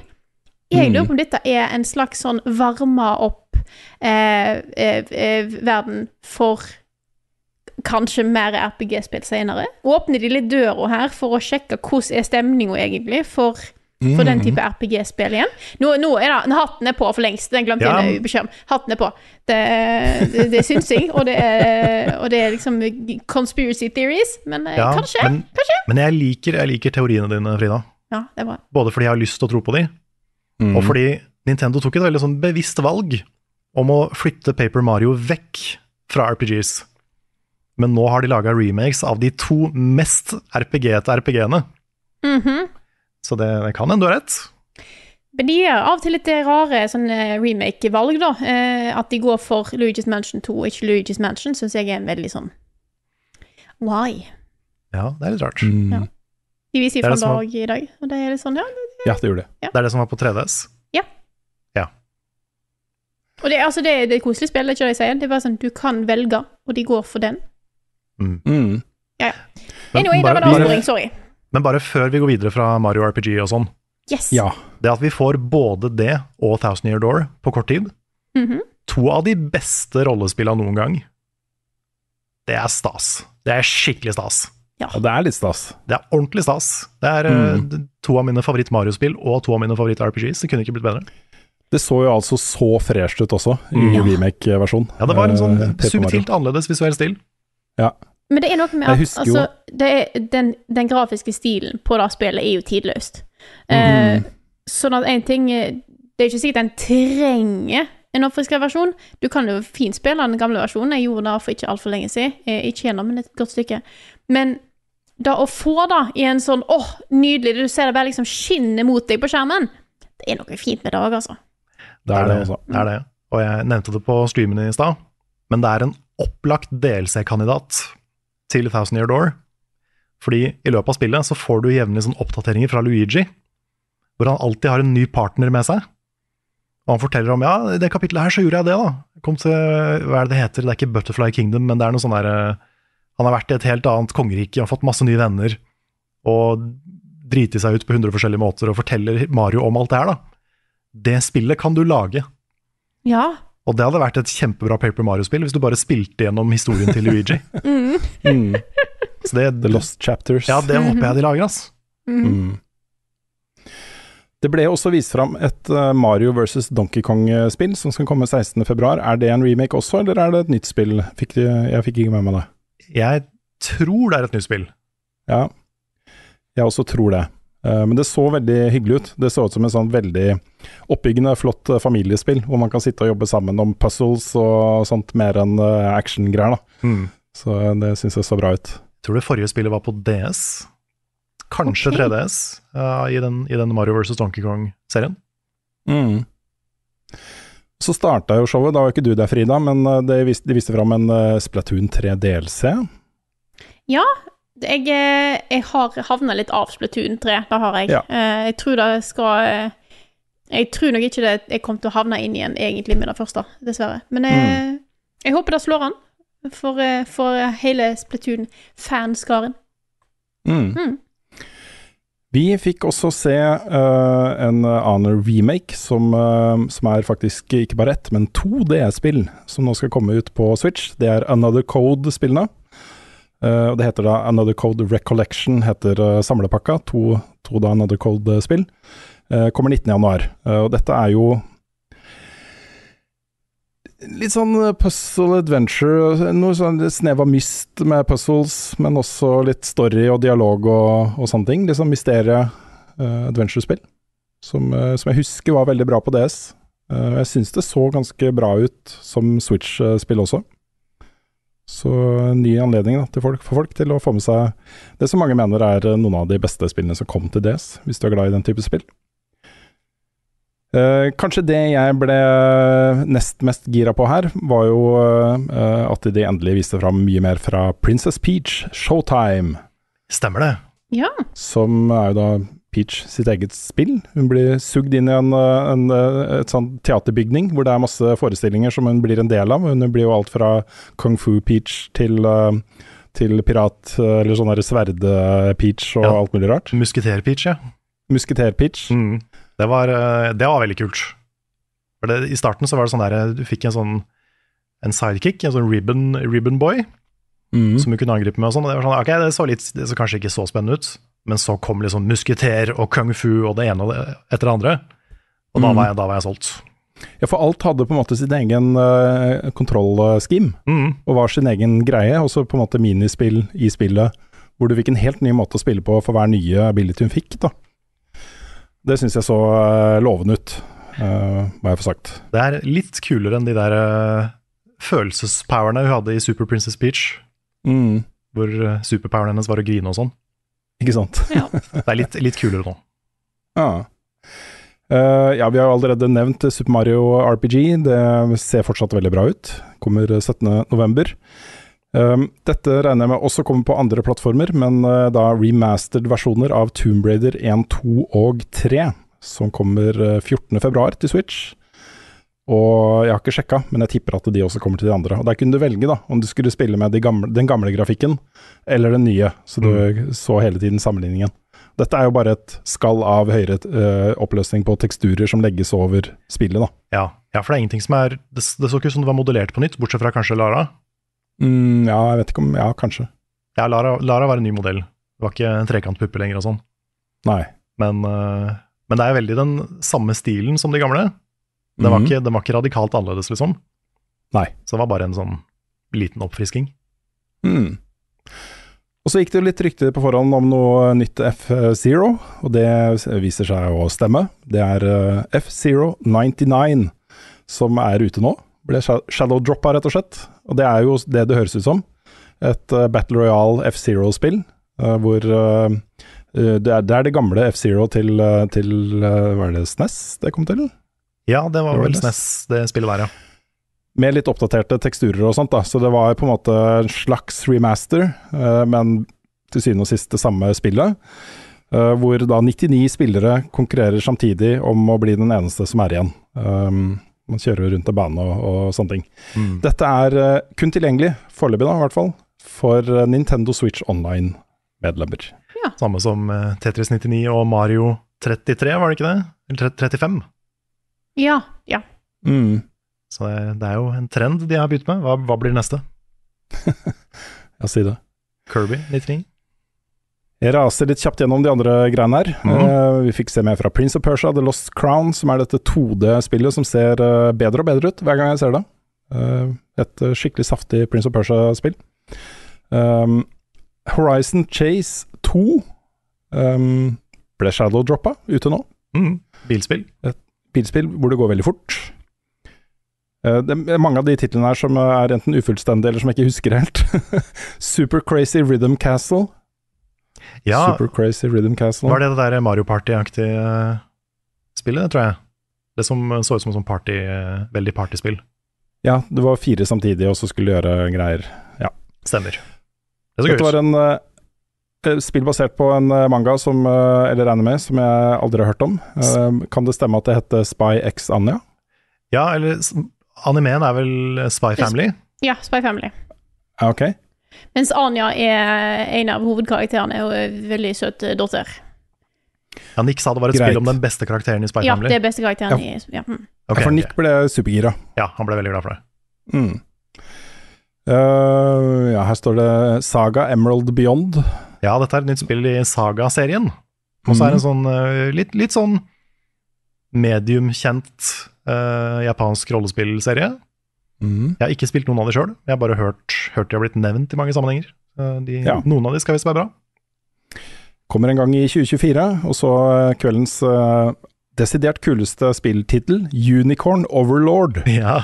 Unicorn Overlord. Med en så utrolig sånn kul Clive-type stemme som fortalte Ja. Unicorn Overlord. Ja. Nice. Ja, veldig kult. Vi fikk se litt mer fra Detective Pikachu Returns, som kommer 6. oktober. Um, Trombone Champ, apropos korps. Ja. Det er jo ute nå, da, på Switch også, ble Shadow droppa. Um, jeg syns særlig den der fireplayer, uh, multiplayer-biten så veldig morsom ut. Ja, Lokal multiplayer må vi teste en gang.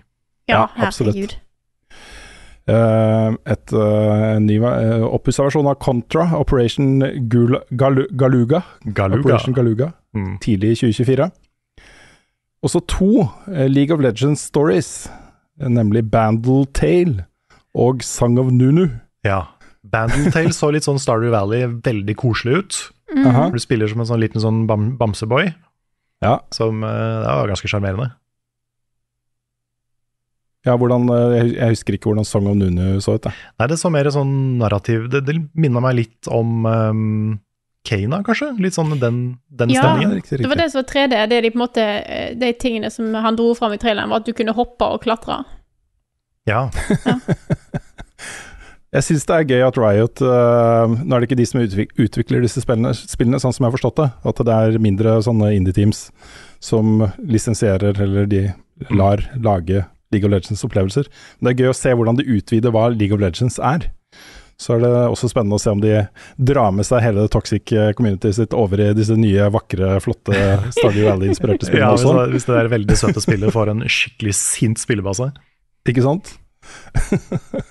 um, ja, vi fikk se litt mer fra WarriorWare Move It, som jo da viser seg å handle mye om eh, bevegelser. Altså du, du skal strike poses og, og sånt. Ta Forms, var det de kalte det, var det ikke det? Hmm? Forms. Ja, stemmer. Mm. Hvor du blant annet da, du får først beskjed om å ta liksom Wiimoten opp til nesa, og så blir da minispillet viser seg at du skal Du er en fugl med et langt nebb som skal hakke noe et eller annet på bakken, ikke sant. um, ja, eh, Aiden Chronicles, 100 Heroes, 23. ap- 23. april. Dette var det jo en del folk som kikka litt på i chatten også. Ja, var det dette her som var kickstarter-spill? Jeg lurer på det. Det hadde i hvert fall en litt sånn kul, eh, høye pikselerte figurer-stil. Mm. Som var litt sånn annerledes enn den vanlige. Mm. Det var noe der. Det, jeg kan ikke nok om det sjøl, men eh, det så, så lovende ut. Eastward får en utvidelse som heter eh, Octopia. Eh, det skal komme This Holiday, som ble sagt, så det er jo rundt juletider. Og samme utvikler kommer da også med Wargroove 2 5. oktober. Nick, så de er eh, busy, busy. Yes. Nick anmeldte jo det første Wargroove, Mm. og ga det veldig høy score, men jeg husker. Jeg husker ikke om det var åtte eller ni, men uh, han digga det.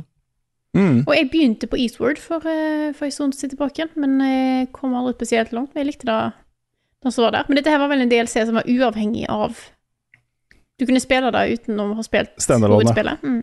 Mm. Eh, et av årets store indiespill, en favoritt også i Level Ups eh, redaksjon, Dave the Diver, kommer til Switch 26. oktober. Nice. Veldig Nice. bra spill til konsoll. Mm. Sånn perfekt Switch-spill, egentlig.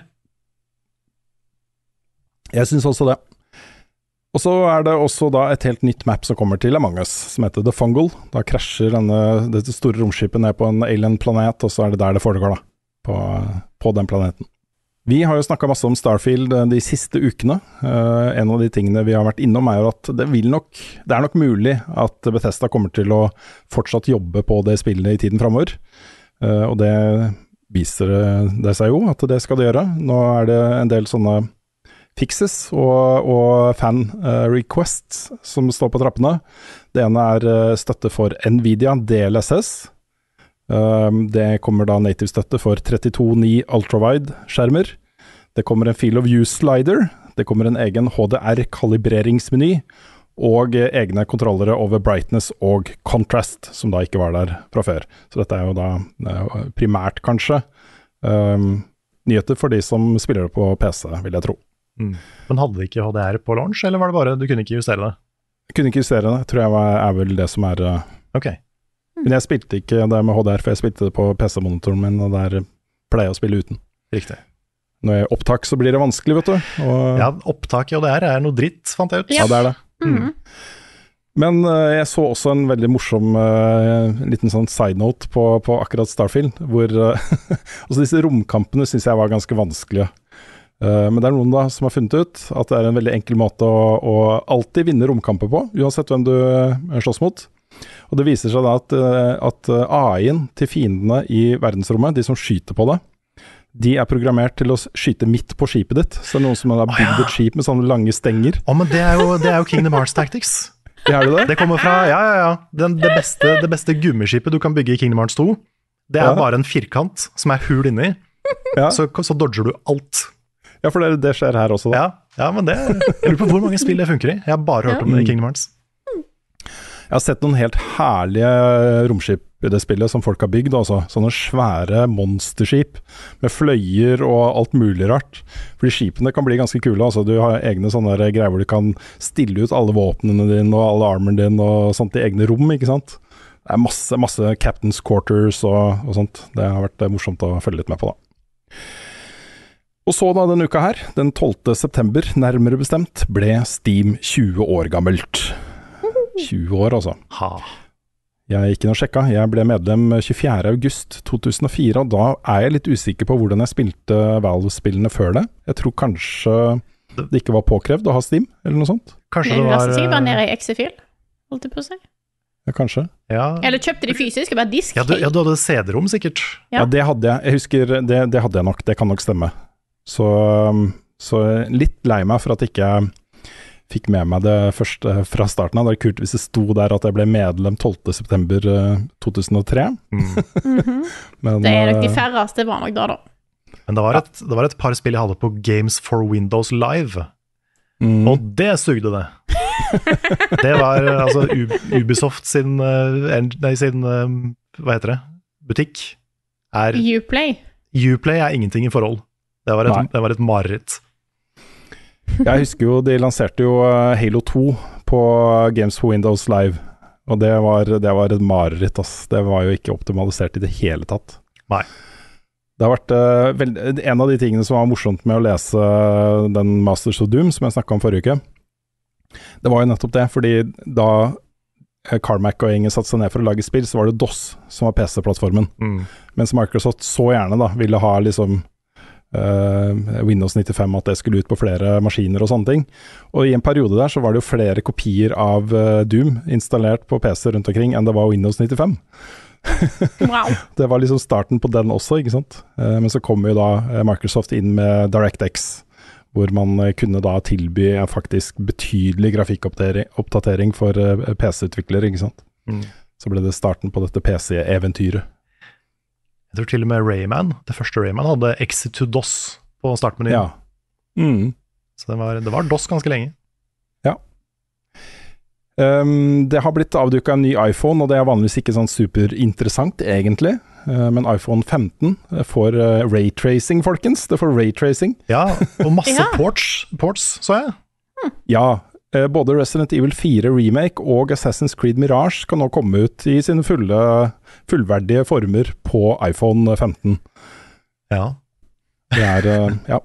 Hvis, hvis du vil spille Resident Evil 4 på verst tenkelig måte. Ja, men også poenget Ikke, ikke vær for uh, Neida, men ikke vær f- ikke, generelt, men bare akkurat det. Det er så sånn stemningshorrorspill, Ja, ikke sant? ja, ja, ja. Og så på den bitte lille skjermen, det blir ikke det samme, ass. Ja, men det er liksom Switch, da. Du setter den liksom opp på høykant, og så, og så kobler du til en, en eh, faktisk håndkontroller med Bluetooth. Du kan jo spille med en PlayStation-kontroller eller Xbox-kontroller eller Switch-kontroller for den saks skyld. Ja. Så blir det jo på en måte litt den opplevelsen at du har en veldig god skjerm. Den er liten, liksom, men den er god. Ja. Da, men da må jeg ha liksom ørepropper og mørkt rom og full pakke, så kanskje. Ja. Men, jeg tror det er eh, vanskelig å se for meg, for jeg spiller jo aldri på liten skjerm Switch. Jeg spiller jo alltid på TV-en. mm. Mm. Ja, for jeg, jeg, jeg vil heller ikke spille Tears of the Kingdom på liten skjerm. Det var alltid på TV-en. Men hva man må, da? Ja, men Ja. Jeg vil- ville anbefalt å kjøpe TV, altså. De fleste har jo en TV. d- det, som er tinget med, med mobilspill, da, det er jo at, at øh, du hadde jo en periode hvor, øh, hvor øh, de var av en viss karakter. Mm. Og så de var, Det var grenser for hvor avanserte de var, og hvor grafisk, grafikktunge de var, og den type ting. Men det som, det som jo er faktum, er at for veldig, veldig mange rundt omkring i verden, så er det uaktuelt. De har ikke råd til å kjøpe en PC eller en spillkonsoll. Men alle har telefoner, ikke sant. Mm. Uh, og der, Derfor så ser man jo sånne spill som Crossfire f.eks., Mm. og Call of Duty Mobile, disse svære skytespill-multiplier-opplevelsene gjør det kjempebra på mobil. Og det er jo mye fordi ok, de har, en- de har en mobil. Mm. det har de, og den er god nok til å spille disse spillene, og særlig hvis du kobler til kontroller og, og sitter med mikrofon og headset og sånne ting, ikke sant. Mm. Ja, for hvis det blir litt mer vanlig å bruke kontroller på telefon, og det Mm. kommer flere gode spill som ikke er femstjernersloffen, liksom, Ja. så, så er jeg, veldig, jeg er veldig for det. Mm. Jeg bare, akkurat når det kommer sånne veldig stemningsfulle spill, så er det sånn, jeg klarer ikke å se for meg det på en liten skjerm. Altså. Nei. Men, eh, men jeg, absolutt, jeg spiller mobilspill, jeg òg. Den aller kuleste nyheten med iPhone 15 var jo da at den kan charges og kobles til med USB-C. USB-C, endelig. Og ja, ditcher Endelig. de den der vanlige Apple-laderen? Altså, Mm. ditcha, ditcha, de ble tvunget til det av EU, da. Ja, ja, ja, det er det som skjedde? Ja. Ok, ja, det, så var veldig, deilig. det, var veldig det var veldig behagelig å se denne USB-C-porten -hmm. under den iPhone også. For det, ja. Og så en Fifa-nyhet til slutt. Det er jo ikke så lenge til eh, EA Sports eh, FC lanseres. Det er jo det nye fotballspillet til EA. Eh, og nå er eh, ratingen til da eh, de faktiske fotballspillerne klar, og Erling Haaland er da en av fire spillere som får maks-rating i det spillet, altså 91 av 100 rating. Nice. Ja, det er litt kult. No, uh, han gjør det da sammen med uh, kollegaen sin, makkeren sin i Manchester City, Kevin De Bruyne. Det er sikkert De Bruyne, jeg vet ikke helt De hvordan Bruyne. uttaler det. De Bruyne. De Moite. Eh, Kylian Mbappé og Alexia Putellas. Puteas er vel kanskje det. Hun er eh, fra Spania. Så vi har en nordmann som canonically er bedre enn Messi. Ja, et, for Messi har 90, rating Ja. på 90 i Jeg spillet. det. Ja. Det er, eh, jeg syns, jeg syns akkurat det er litt ko-ko, men eh, Ja, men ta den verden. nok. Norge, Norge, Norge. Ja. Mm. Hva er hennes best, hvor var fredag sist, har Carl egentlig sopp? Ukens spørsmål. Og i dag så starter vi med et spørsmål fra Tom Erik Nessø, som skriver Kan det bli, eller er 2023 et av tidenes beste spillår? Med kanoner som eh, Resident Evil 4 Remake, Dredge, Dead Space, Hogwarts Legacy, Zelda Tears of the Kingdom, Diablo 4, Starfield, Baldur's Gate 3, Final Fantasy 16, Blasphemous 2 og Armored Core 6, og diverse som har kommet allerede. Og da at vi venter på Assassin's Creed Mirage, Lies of P, Spiderman 2, eh, Super Mario Bros. Wonder osv., osv. Hva er tankene deres? Eh, love you guys, og håper på ei fin helg. Hmm. Det har jo vært noen store spill så langt. Det har det. Mm, det har det et godt spørsmål. Jeg um, fikk jo det spørsmålet av VG tidligere år. Som Det var egentlig samme utgangspunktet. Og det er mange som snakker om det. Jeg prøver ikke å liksom pisse på den holdningen. Men hvis du går gjennom den lista, da, for det er på en måte den samme lista som VG kom med, ikke sant. Jeg, kan, jeg tror uh, Street Fighter 6 også var med på den. Så er det jo Resident Evil 4 er en remake. Uh, Dead Space er en remake. Uh, Hogwarts Legacy er et helt ok spill. Um, Dredge er et OK pluss. Det er et veldig veldig bra spill. Altså. Nei, jeg syns det er bedre altså, enn OK pluss. Ja, ja, også det er, jeg også ville kanskje vurdert toppscore for det, i hvert fall ni av ti. Mm. Så det er et bra spill, men det er ikke uvanlig at det kommer et sånn type spill. da. Mm.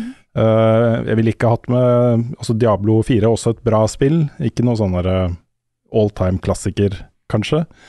Um, jeg mener jo det samme om Starfield, et bra spill. Mm. Uh, og det kan man si om veldig mange av disse spillene her. Egentlig så er det, sånn som jeg ser det, da. uh, uvanlig at det kommer to spill i hver sin sjanger som kan sies å være liksom helt i toppen av den sjangeren, med Mm. Tears of the Kingdom og Boulders Gate 3. Mm. Men det er egentlig de to eneste argumentene for meg da, eh, til at dette er et, er- kan være tidenes beste spillår. Ja, jeg er litt enig i at eh, det først og fremst er de to. At uten de, så hadde det vært et ganske sånn standard spillår. Men til gjengjeld, da, som, så er de to spilla sånn transcendently bra. Mm. Sånn, Tears of the Kingdom er noe av det beste jeg noen gang har spilt. Det er, det er så høyt oppe for meg. Og Baldur's Gate også er på vei dit. Så de to spillene trekker jo voldsomt opp, i hvert fall for meg. da. Så, sånn som For meg så er 2015 en kjempebra spillår pga. Undertale og Bloodborne. Mm. Og de to spillene her er på en måte Undertale og Bloodborne i år. da. Mm. Så de, de løfter hele året for meg, bare de to. Og så tror jeg det som eh, er litt interessant her, er når en ser litt på sjanger og sånt. For det er veldig mange av spillene her som er i eh, sjangertyper som veldig mange spillere er veldig glad i. Eh, sånn som i, i, i mange tidligere år, altså for eksempel i fjor, med Det var i fjor Xenoblade Chronicles 3 kom ut, var det ikke det? Jo. Jo. Jo. Yes. Eh, Året flyr forbi meg. Men det er jo et spill som jeg spilte, mens ikke så mange andre nødvendigvis spilte. Eh, så jeg tror kanskje en tidligere òg har hatt en del knallbra spill i sine sjangre som kanskje er litt langt vekk fra hverandre. Her har du plutselig veldig mange actionspill. Eller, mm. veldig, sant, du har, eh, eller RPG-er. Du har en del overlapp, da. Eh, som gjør at det plutselig ser ut som nå er det dritmange knallbra spill. Eh, så det, det er ikke at jeg sier at det ikke har vært så mange gode spill i år som andre år. Nei, at det har vært flere Hva er det jeg sier? Jeg prøver å si at Det er ikke at jeg sier at det ikke har vært så mange gode spill i år. Jeg tror bare at de som har kommet, har vært veldig eh, Veldig mange som har spilt. Hvis jeg. Mm. Jeg, jeg tror jeg er litt mer positiv til 2023 enn dere. Jeg, for jeg, jeg syns det er oppi der. I hvert fall topp fem spilleår for meg, da. Men det handler også litt om at jeg føler at jeg har fått litt sånn nye opplevelser. Og nå er jeg ikke Det kan også være at jeg, at jeg ikke har spilt så mange Baldur's Gate 3-type spill, da. Men, uh, men det og Tears of the Kingdom er sånn Det er et nivå på valg i spill jeg Mm. aldri har vært i nærheten av før. Sånn hvor åpent du kan spille Tears of the Kingdom, hvor mange løsninger det er på hver eneste oppgave, liksom. Mm. Og hvor utrolig sånn i alle kanter den historien til Gate kan være, da.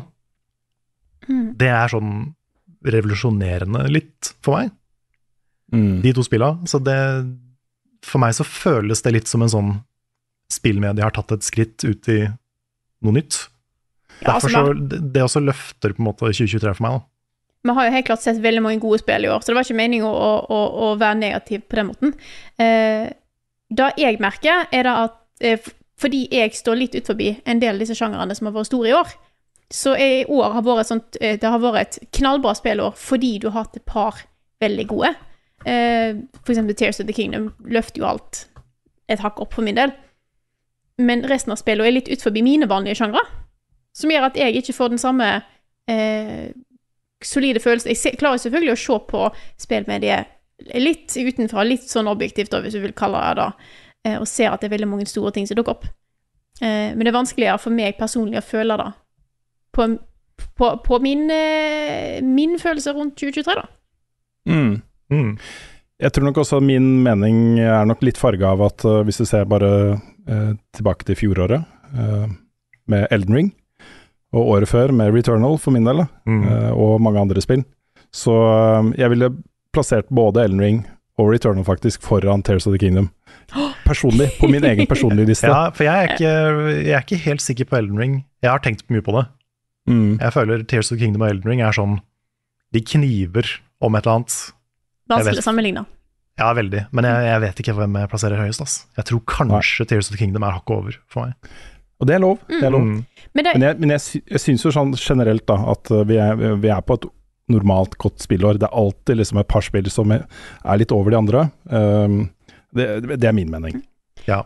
Jeg tror nok at hvis du er glad i de sjangrene som har kommet ut i år, eh, så er 2023 et knallbra spillår. Og jeg kan godt forstå hvorfor mange, eh, mange trekker fram 2023 som et veldig bra år eh, der. Jeg tror nok jeg er Mhm. hakket mer eh, eh, Jeg vil ikke si positiv, for det blir feil uttrykk. Jeg er nok hakket mer på, mot 2023 er et veldig bra spillår, skalaen, enn eh, kanskje det grunnet. Men det er altså Det er vanskelig å si. Det, det er lett å si, for nå er vi oppi det, sant? I dag er det oppi det, og sier han, å, nå er det alltid knallbra, og så er det liksom Jeg føler Ja, knall... men Favorittspillet mitt så langt i år er jo faktisk da PC-versjonen av Returnal, folkens. Ja, men, ja ok, ja. Men, men, men ikke sant, se på altså, Armored Core 6 har vi nettopp fått, og Darkest Ja. Dungeon 2 er dritbra. Mm. Mhm. Og det er eh, Cassette Beast koste jeg meg masse med. Vi fikk eh, Jedi Survivor. Var, ok, det var ikke så bra, men det var åtte av ti, da. Jeg har sett er- at det, det er bra å være gamer i 2023. Det er det. Jeg føler det, Det det, det. året her har hatt en sånn moment som Ja. ikke fjoråret hadde. For der var det kjempebra i starten, med Elden Ring og masse store spill. Og så dabba det av ganske lenge, og så ble det bra igjen på slutten av året. Mm. Men her, jeg føler 2023 har vært sånn solid hele veien. Ja, kan det være at det er da som på måte, gir inntrykket av hvor, hvor sterkt året har vært? At du har ikke hatt noen sånne perioder der det er sånn Nå er det litt rolig. Det har alltid vært noe nytt hele veien. Mm. Mm. Det er en sånn Jeg føler at det er liksom Jeg har alltid noe nytt å spille. Og jeg er litt stressa over hvor mye bra det er å spille. uh, og sånn hadde jeg det ikke i fjor. Ja. Og så skal det jo sies at jeg har jo ennå til gode å pløye meg gjennom Baldur's Gate 3. Mm. Uh, det kan hende at det kanskje uh, får, får meg til å endre litt mening, da. Kanskje. Ja, apropos det, så hadde vi et spørsmål til, hadde ikke det? Da har vi Jo. Da er fra Martin Herfjord, som skriver Hvordan ser dere på Game of the Year-debatten nå etter å ha spilt Baldur's Gate 3 og Starfield opp mot Tears of the Kingdom?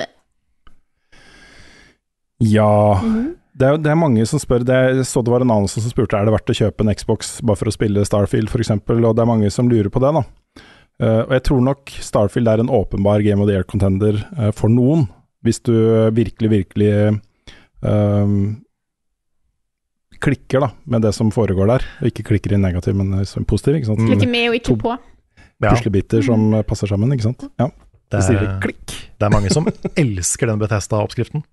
Ja, ikke sant. Uh, men det er også et spill som jeg ser får litt sånn varierende score rundt omkring. Uh, jeg ga det jo åtte av ti, eller terningkast fem. Um, fikk eh, eh, syv av ti av gamer. Um, jeg så Eurogamer akkurat kommet med sin anmeldelse, tre av fem stjerner. Mm. Så det er ikke en sånn obvious instant klassiker, liksom, Uh, for alle. Det er det ikke. Og selv jeg, som var veldig positiv til det, har jo enkelte deler av det som jeg ikke er sånn super happy med, liksom. Mm. Så, så jeg føler nok at uh, Baldur's Gate 3 og Tears of the Kingdom er litt i en egen klasse eh, her, da, satt opp mot Starfield. Mm. Nå har jeg bare spilt eh, akt 1, den gigantiske akt 1 av eh, 3. Uh, men foreløpig så er jeg Team Tears of the Kingdom. Fordi mm. Baldur's Gate 3 er et fantastisk bra spill, som er litt sånn utrolig i hvor stort det er. Men Tears of the Kingdom er bare punktum noe av det beste jeg har spilt. Det er Jeg tror, det kan være en, jeg tror det kan være en fare for at uh, når vi kommer til slutten av året, at noen kanskje kan komme til å glemme litt hvor fett det var å spille Tales of the Kingdom. Ah, mens man satt midt i, det, liksom. Mm. Bare den der, det å fly rundt på sånne ting du har bygd sjøl, og Mm. de shrinesa du kan løse på ti forskjellige måter, det er så Det er så magisk bra. Mhm. Mm. Og jeg, er veldig, jeg skjønner veldig godt de som mener at Baldur's Gate 3 er det beste spillet i år. Eh, fortsatt bare spilt akt 1, men jeg, jeg, skjønner, jeg skjønner den. Mm. Og det er veldig Jeg skulle ønske jeg også på en måte heide på underdogen, som er Larian, i det her. Men Tears of the Kingdom er bare for bra for meg. Mm. Det, det er helt sånn Det blåser meg litt av banen, rett og slett. Og jeg har jo bare spilt Tears of the Kingdom, så det er jo urettferdig å si noe annet enn en da. Men eh, det er helt klart mye gøy i forskjellige sjangere her. Eh, Game of the Year er jo en subjektiv ting. Så Mm. Mm. Absolutt. Jeg er veldig spent på om det dukker opp noe på tampen av året som uh, kommer inn og melder seg på den kampen her, altså. Ja, hvis, Ja. hvis Super Mario Wonder er så bra, liksom Mhm. Jeg klarer ikke helt å se, det, se den verden, men jeg har blitt overraska før. Jeg håper det er noe vi ikke helt uh, vet, vet om ennå, da. Et eller annet som kommer inn og er litt sånn overraskende. Ja. Kan skje. Har skjedd før. Kanskje. Mhm. Mm. Ok, har vi noen flere spørsmål? Har du et eh, på lager, Rune?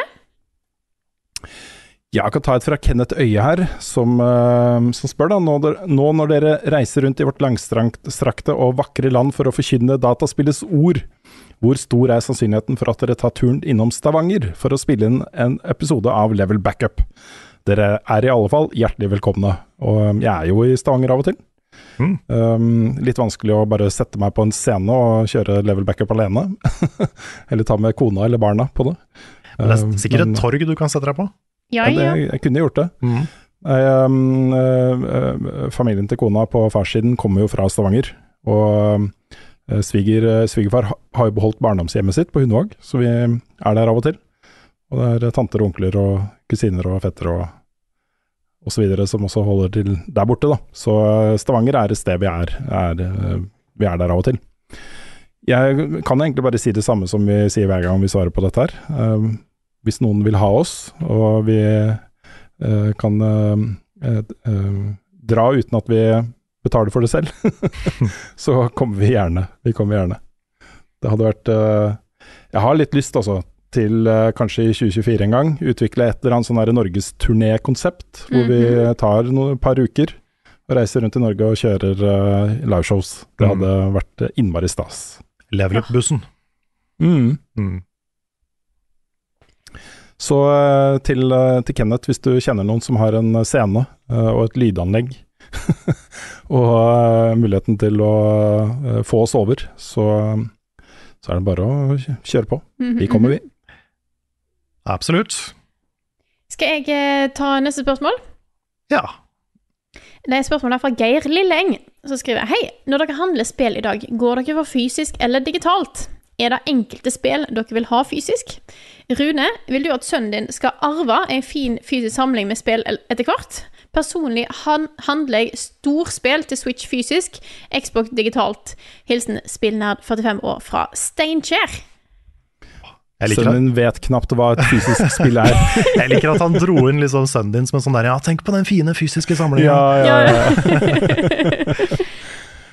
ja, nei, eh, hvis jeg kan slippe å kjøpe det fysisk, så gjør jeg gjerne det. Takk. Ja, jeg også har, går nesten bare for digitalt nå. Altså. Det, er, Ja. det siste spillet jeg kjøpte fysisk, tror jeg var Kingdom Hearts 3. Fordi akkurat det hadde jeg lyst på hylla. Mm. Men eh, det er noen år siden, da. Ja.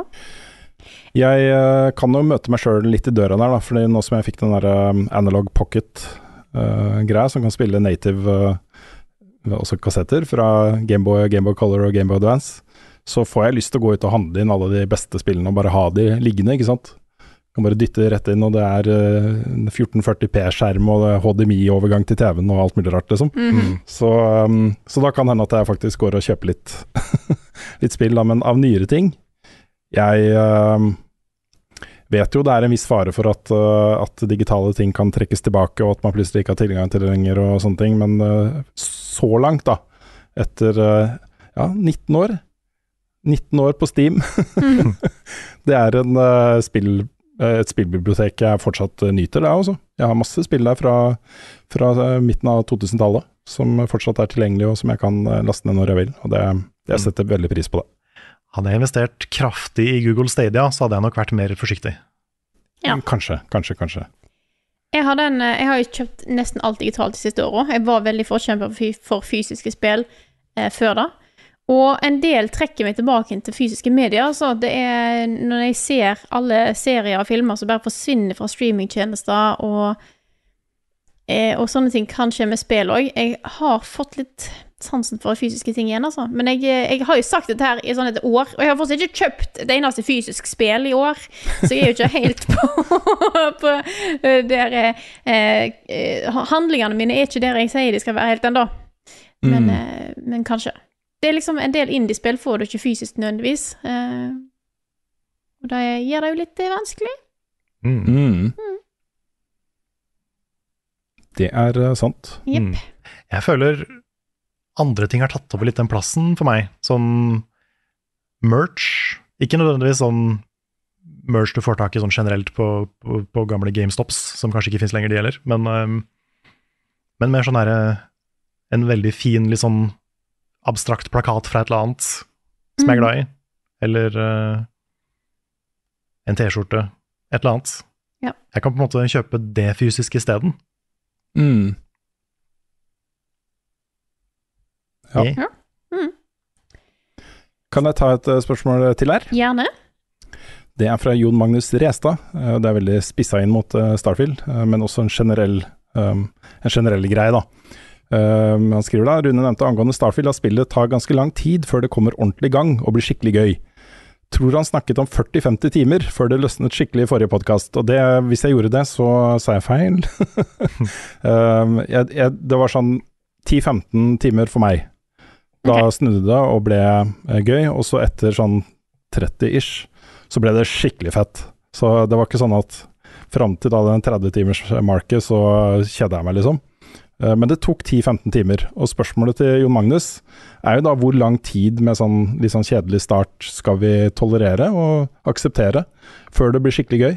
Eh, han skriver jo da også at for han er det helt uaktuelt å bruke 40 uh, timer på noe som er ganske kjedelig, for å så få 50 gode timer. Hva tenker dere? Jeg syns jo Jeg har jo òg hatt lange spill som en sånn vegg eh, en del Mm. år, for at jeg har jo ikke nødvendigvis like mange timer i eh, døgnet til spilling som dere har. Eh, så jeg syns jo denne trenden med at spill har blitt dritlange, har vært litt vanskelig. Den har holdt meg ute fra en Mm. del spillopplevelser. Det syns jeg er dumt.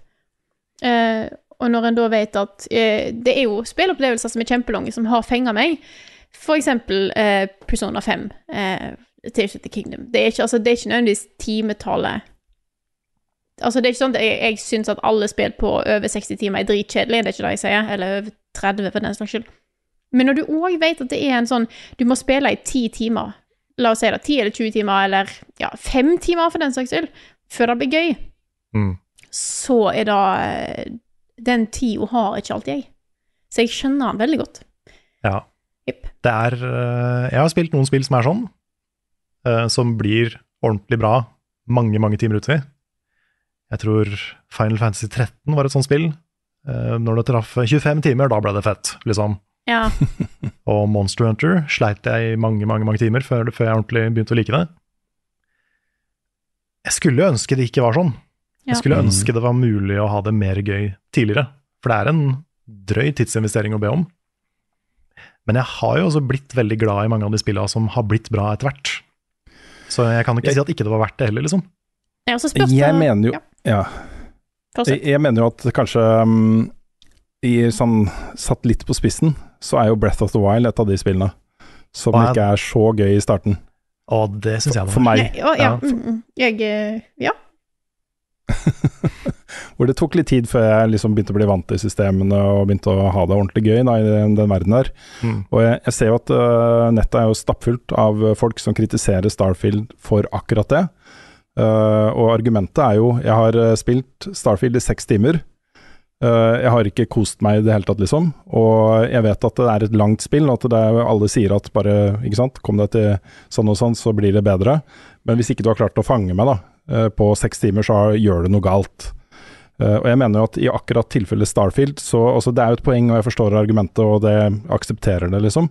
Men hvis de hadde gjort uh, Altså, grunnen til at ikke det er så gøy de første timene, er først og fremst fordi du har ikke engang starta på, på ferdighetstreet og legge inn nye skills og sånne ting. Og hele spillet er bygd opp på den måten at jo mer du investerer inn i det skill-treet og ferdighetstreet som er der, jo morsommere blir det å spille det, for du blir bedre til å skyte, du blir bedre i romkamper, du blir flinkere til å hacke uh, osv. Og, og da åpner spillet seg opp på en helt ny måte. Eh, så jeg, mener, jeg tror det er på en måte et ganske bevisst valg da, eh, å gjøre det på den måten, for det blir mer givende å gå gjennom det der ferdighetstreet og låse opp greier, liksom. Og bygge din egen rollefigur sakte, men sikkert, ikke sant. Um, og så tror jeg også det er et uh, ganske bevisst valg at, uh, at de der store historievendingene som kommer, for det er ganske mange av dem, uh, at det også kommer litt overraskende på deg. At du, du har på en måte bare vært en innbygger i det universet her en stund, og så plutselig så skrus intensiteten i historiene som fortelles opp, da, med noen svære greier, liksom. Uh, og da har det også veldig stor effekt på helhetsinntrykket. Da. Så, men dette er jo en stor utfordring for oss som anmelder spill, og som uh, uh, særlig lange spill, da, hvor uh, vi vet vi vet at det ofte er sånn at det er siste halvdel av spillet som er definerende for helhetsinntrykket, ikke sant. Mm. Uh, og ofte, av og til, da, helt opp til, tett opp til rulleteksten, ikke sant. Mm. Ja. Det er, Jeg har jo eh, Jeg syns det er lettere når du har et spill som er Det er, eh, det, det er gøy fra start, men det blir liksom insane et stykke uti. Typ sånn Xenoblade Chronicles 3. For det er, det er bra eh, i starten, det, men det tar helt av eh, etter noen timer uti. Da er det Mm. Da syns jeg er greiere, for da har du det gøy hele veien. Ja. Hvis det Mm. ikke er gøy, så er det sånn Da er det vanskeligere å ta, ta det steget, da. Det er det. Men det er noe med en anmeldelse av Xenoblade Chronicles 3 som ikke har opplevd kapittel 5, eller hva det er. Ja, ja, nei, det går jo Det er jo, det er jo ikke en anmeldelse av hele spillet, på en måte. Nei. Nei. Og da har jeg egentlig gjort For jeg, ser det i så mange spill, ikke bare disse kjempelange, men mange spill som, eh, som plutselig kommer med, med eh, twister, eller plutselig så er spillet mye lenger enn jeg hadde trodd. Typ da jeg opplevde med Pikmin, eh, Pikmin 4 nå, da. Eh, som gjør at jeg nesten utelukkende nå spiller gjennom spill til rulleteksten, eller det som er, da, fram, før jeg anmelder noe. Fordi jeg innser at det er så mange spill som plutselig har den ekstra biten på slutten, ikke bare storybaserte spill. Det er sant. Mm. Mario Odyssey hadde et postgame, et sånn skikkelig svært postgame, liksom. Mm. Det er kult å vite før man setter en score. Ja. Ja. Det er det. Yes. Har du et eh, siste spørsmål, Carl, eller tar vi en runde av her? Uh, ja, vi tok de fleste av de jeg hadde tenkt å ta, men vi kan ta et uh, her. Et siste et? Et fra Daniel Skarnes. Mm -hmm. uh, han spør har dere noen gang tenkt på å lage noen andre typer podkast, f.eks. Topp 100 spill. F.eks. Rune Forslag 100, og så Carl 99, Frida 98 og så Nick 97. Oi, det hadde blitt kaos. Oh, Ja, det hadde, da, da kunne vi ha blitt uvenner. Ja, da, Ja. Det, hadde, det hadde vært en toxic podcast, tror jeg. I tillegg hadde det blitt en forferdelig oversikt, for plutselig så setter Carl opp eh, den jeg hadde tenkt å ta om ti, og så må jeg huske at den ble tatt, og så ja, oh boy. Ja, vi, vi kunne prøvd å lage en topp 100, men jeg tror vi måtte hatt personlig 100 hans. Ja. Jeg tror også måtte, det måtte vi hatt. Ja. Jeg tror det. Eh, Så Altså- man kunne kanskje sett for seg at vi kunne lagd en toppliste som er, hvor kriteriet er viktigste, eller uh, ja. mest uh, revolusjonerende, eller et eller annet som er litt mer sånn objektiv betraktning av hele spillmediet, da. Men Mm. Eh, personlig spillsmak, vet du. Jeg kan ikke få inn uh, de der tullespillene til Nick på den uh, lista mi. oi, oi, oi. Shots fired, shots fired. Nei, det, Det hadde vært veldig kult da å vært igjen til slutt der, som den som hadde plass nummer én, og jeg hadde plassert Returnal der. Ja. Det hadde vært kult. oi, oi, oi. Nick hadde slutta, vet du. ja, for Ja, Nick hadde hadde tatt han allerede som nummer eh, 93. Ja, han hadde tenkt det long game, ikke sant? Ja. dæven døtte. Oi, og for, for meg så hadde den kanskje vært nærmere der enn Å, Nei, det hadde vært Det er for, det er for farlig. Det er for farlig. Vi kan ikke gjøre det. Nei, Men- det går ikke. Men uh, andre typer podcaster, det snakka vi om. Ja, Og vi har gjort, gjort noe av det. Han bruker uh, topp 20 filmer som er- TV-serier og filmer som eksempel. Det har vi gjort allerede. Mm. Det har vi gjort. Vi har egne podcaster på sommeren om sånne ting. mhm. Mm. Um, og også jeg så Han hadde et forslag om å ranke alle Marvel-filmene, og det er en episode av uh, Verst til best som ikke vi har laga ennå, mm -hmm. men som står på lista. Yep. Så det, det kommer nok. Så vi absolutt. Og vi, vi det er mange jo- som har spurt om eh, å få Verst til best som podkast også. Ja. Jeg har vært litt sånn usikker på det, fordi du mister på en måte den der visuelle lista å referere til, og da, da forsvinner litt av konseptet, føler jeg. Men, men det er mange som vil ha det, så kanskje. Mm. Vi har jo, kan jo bare nevne at vi har jo tre faktiske, konkrete podkastkonsepter som er på tegneblokka. Vi Mm. har, som er konsep konseptualisert, og som kanskje kan bli noe av. Så um, podkast er uh, definitivt noe vi vurderer å gjøre mer av. Det er det.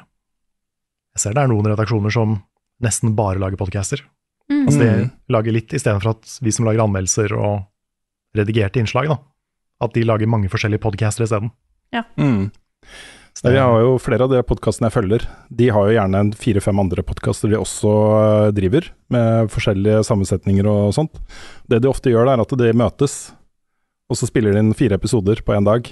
Og så eh, drar de videre og gjør andre ting Mm. etterpå, liksom. Så mm, Da kan de ikke være to timer lange. Nei, da, da er det nok ganske kjørt på den siste. Ja, da er det litt sånn Jeg vil komme til raspestemme-podkasten. Mm. Det er ikke noe problem med de jeg hører på, fordi de stapper i seg testosteron, vet du, alle sammen. Ja, ja, det er ja. sånne der, eh, ja. helsefreaks. helsefreaks. Riktig. Ja, ja. Mm.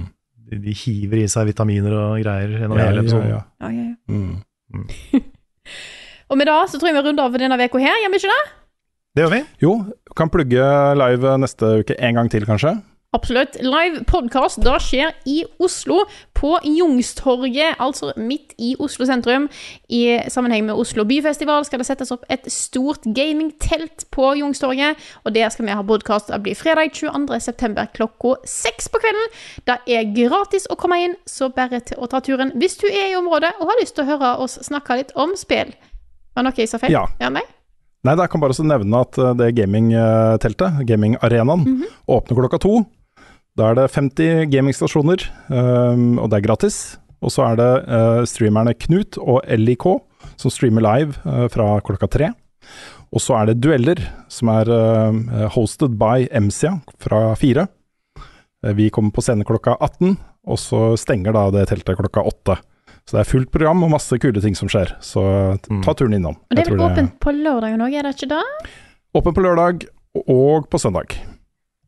Knall. Det er, det er masse andre ting som skjer i sammenheng med Oslo Byfestival, så det er mye kult, ser det ut som.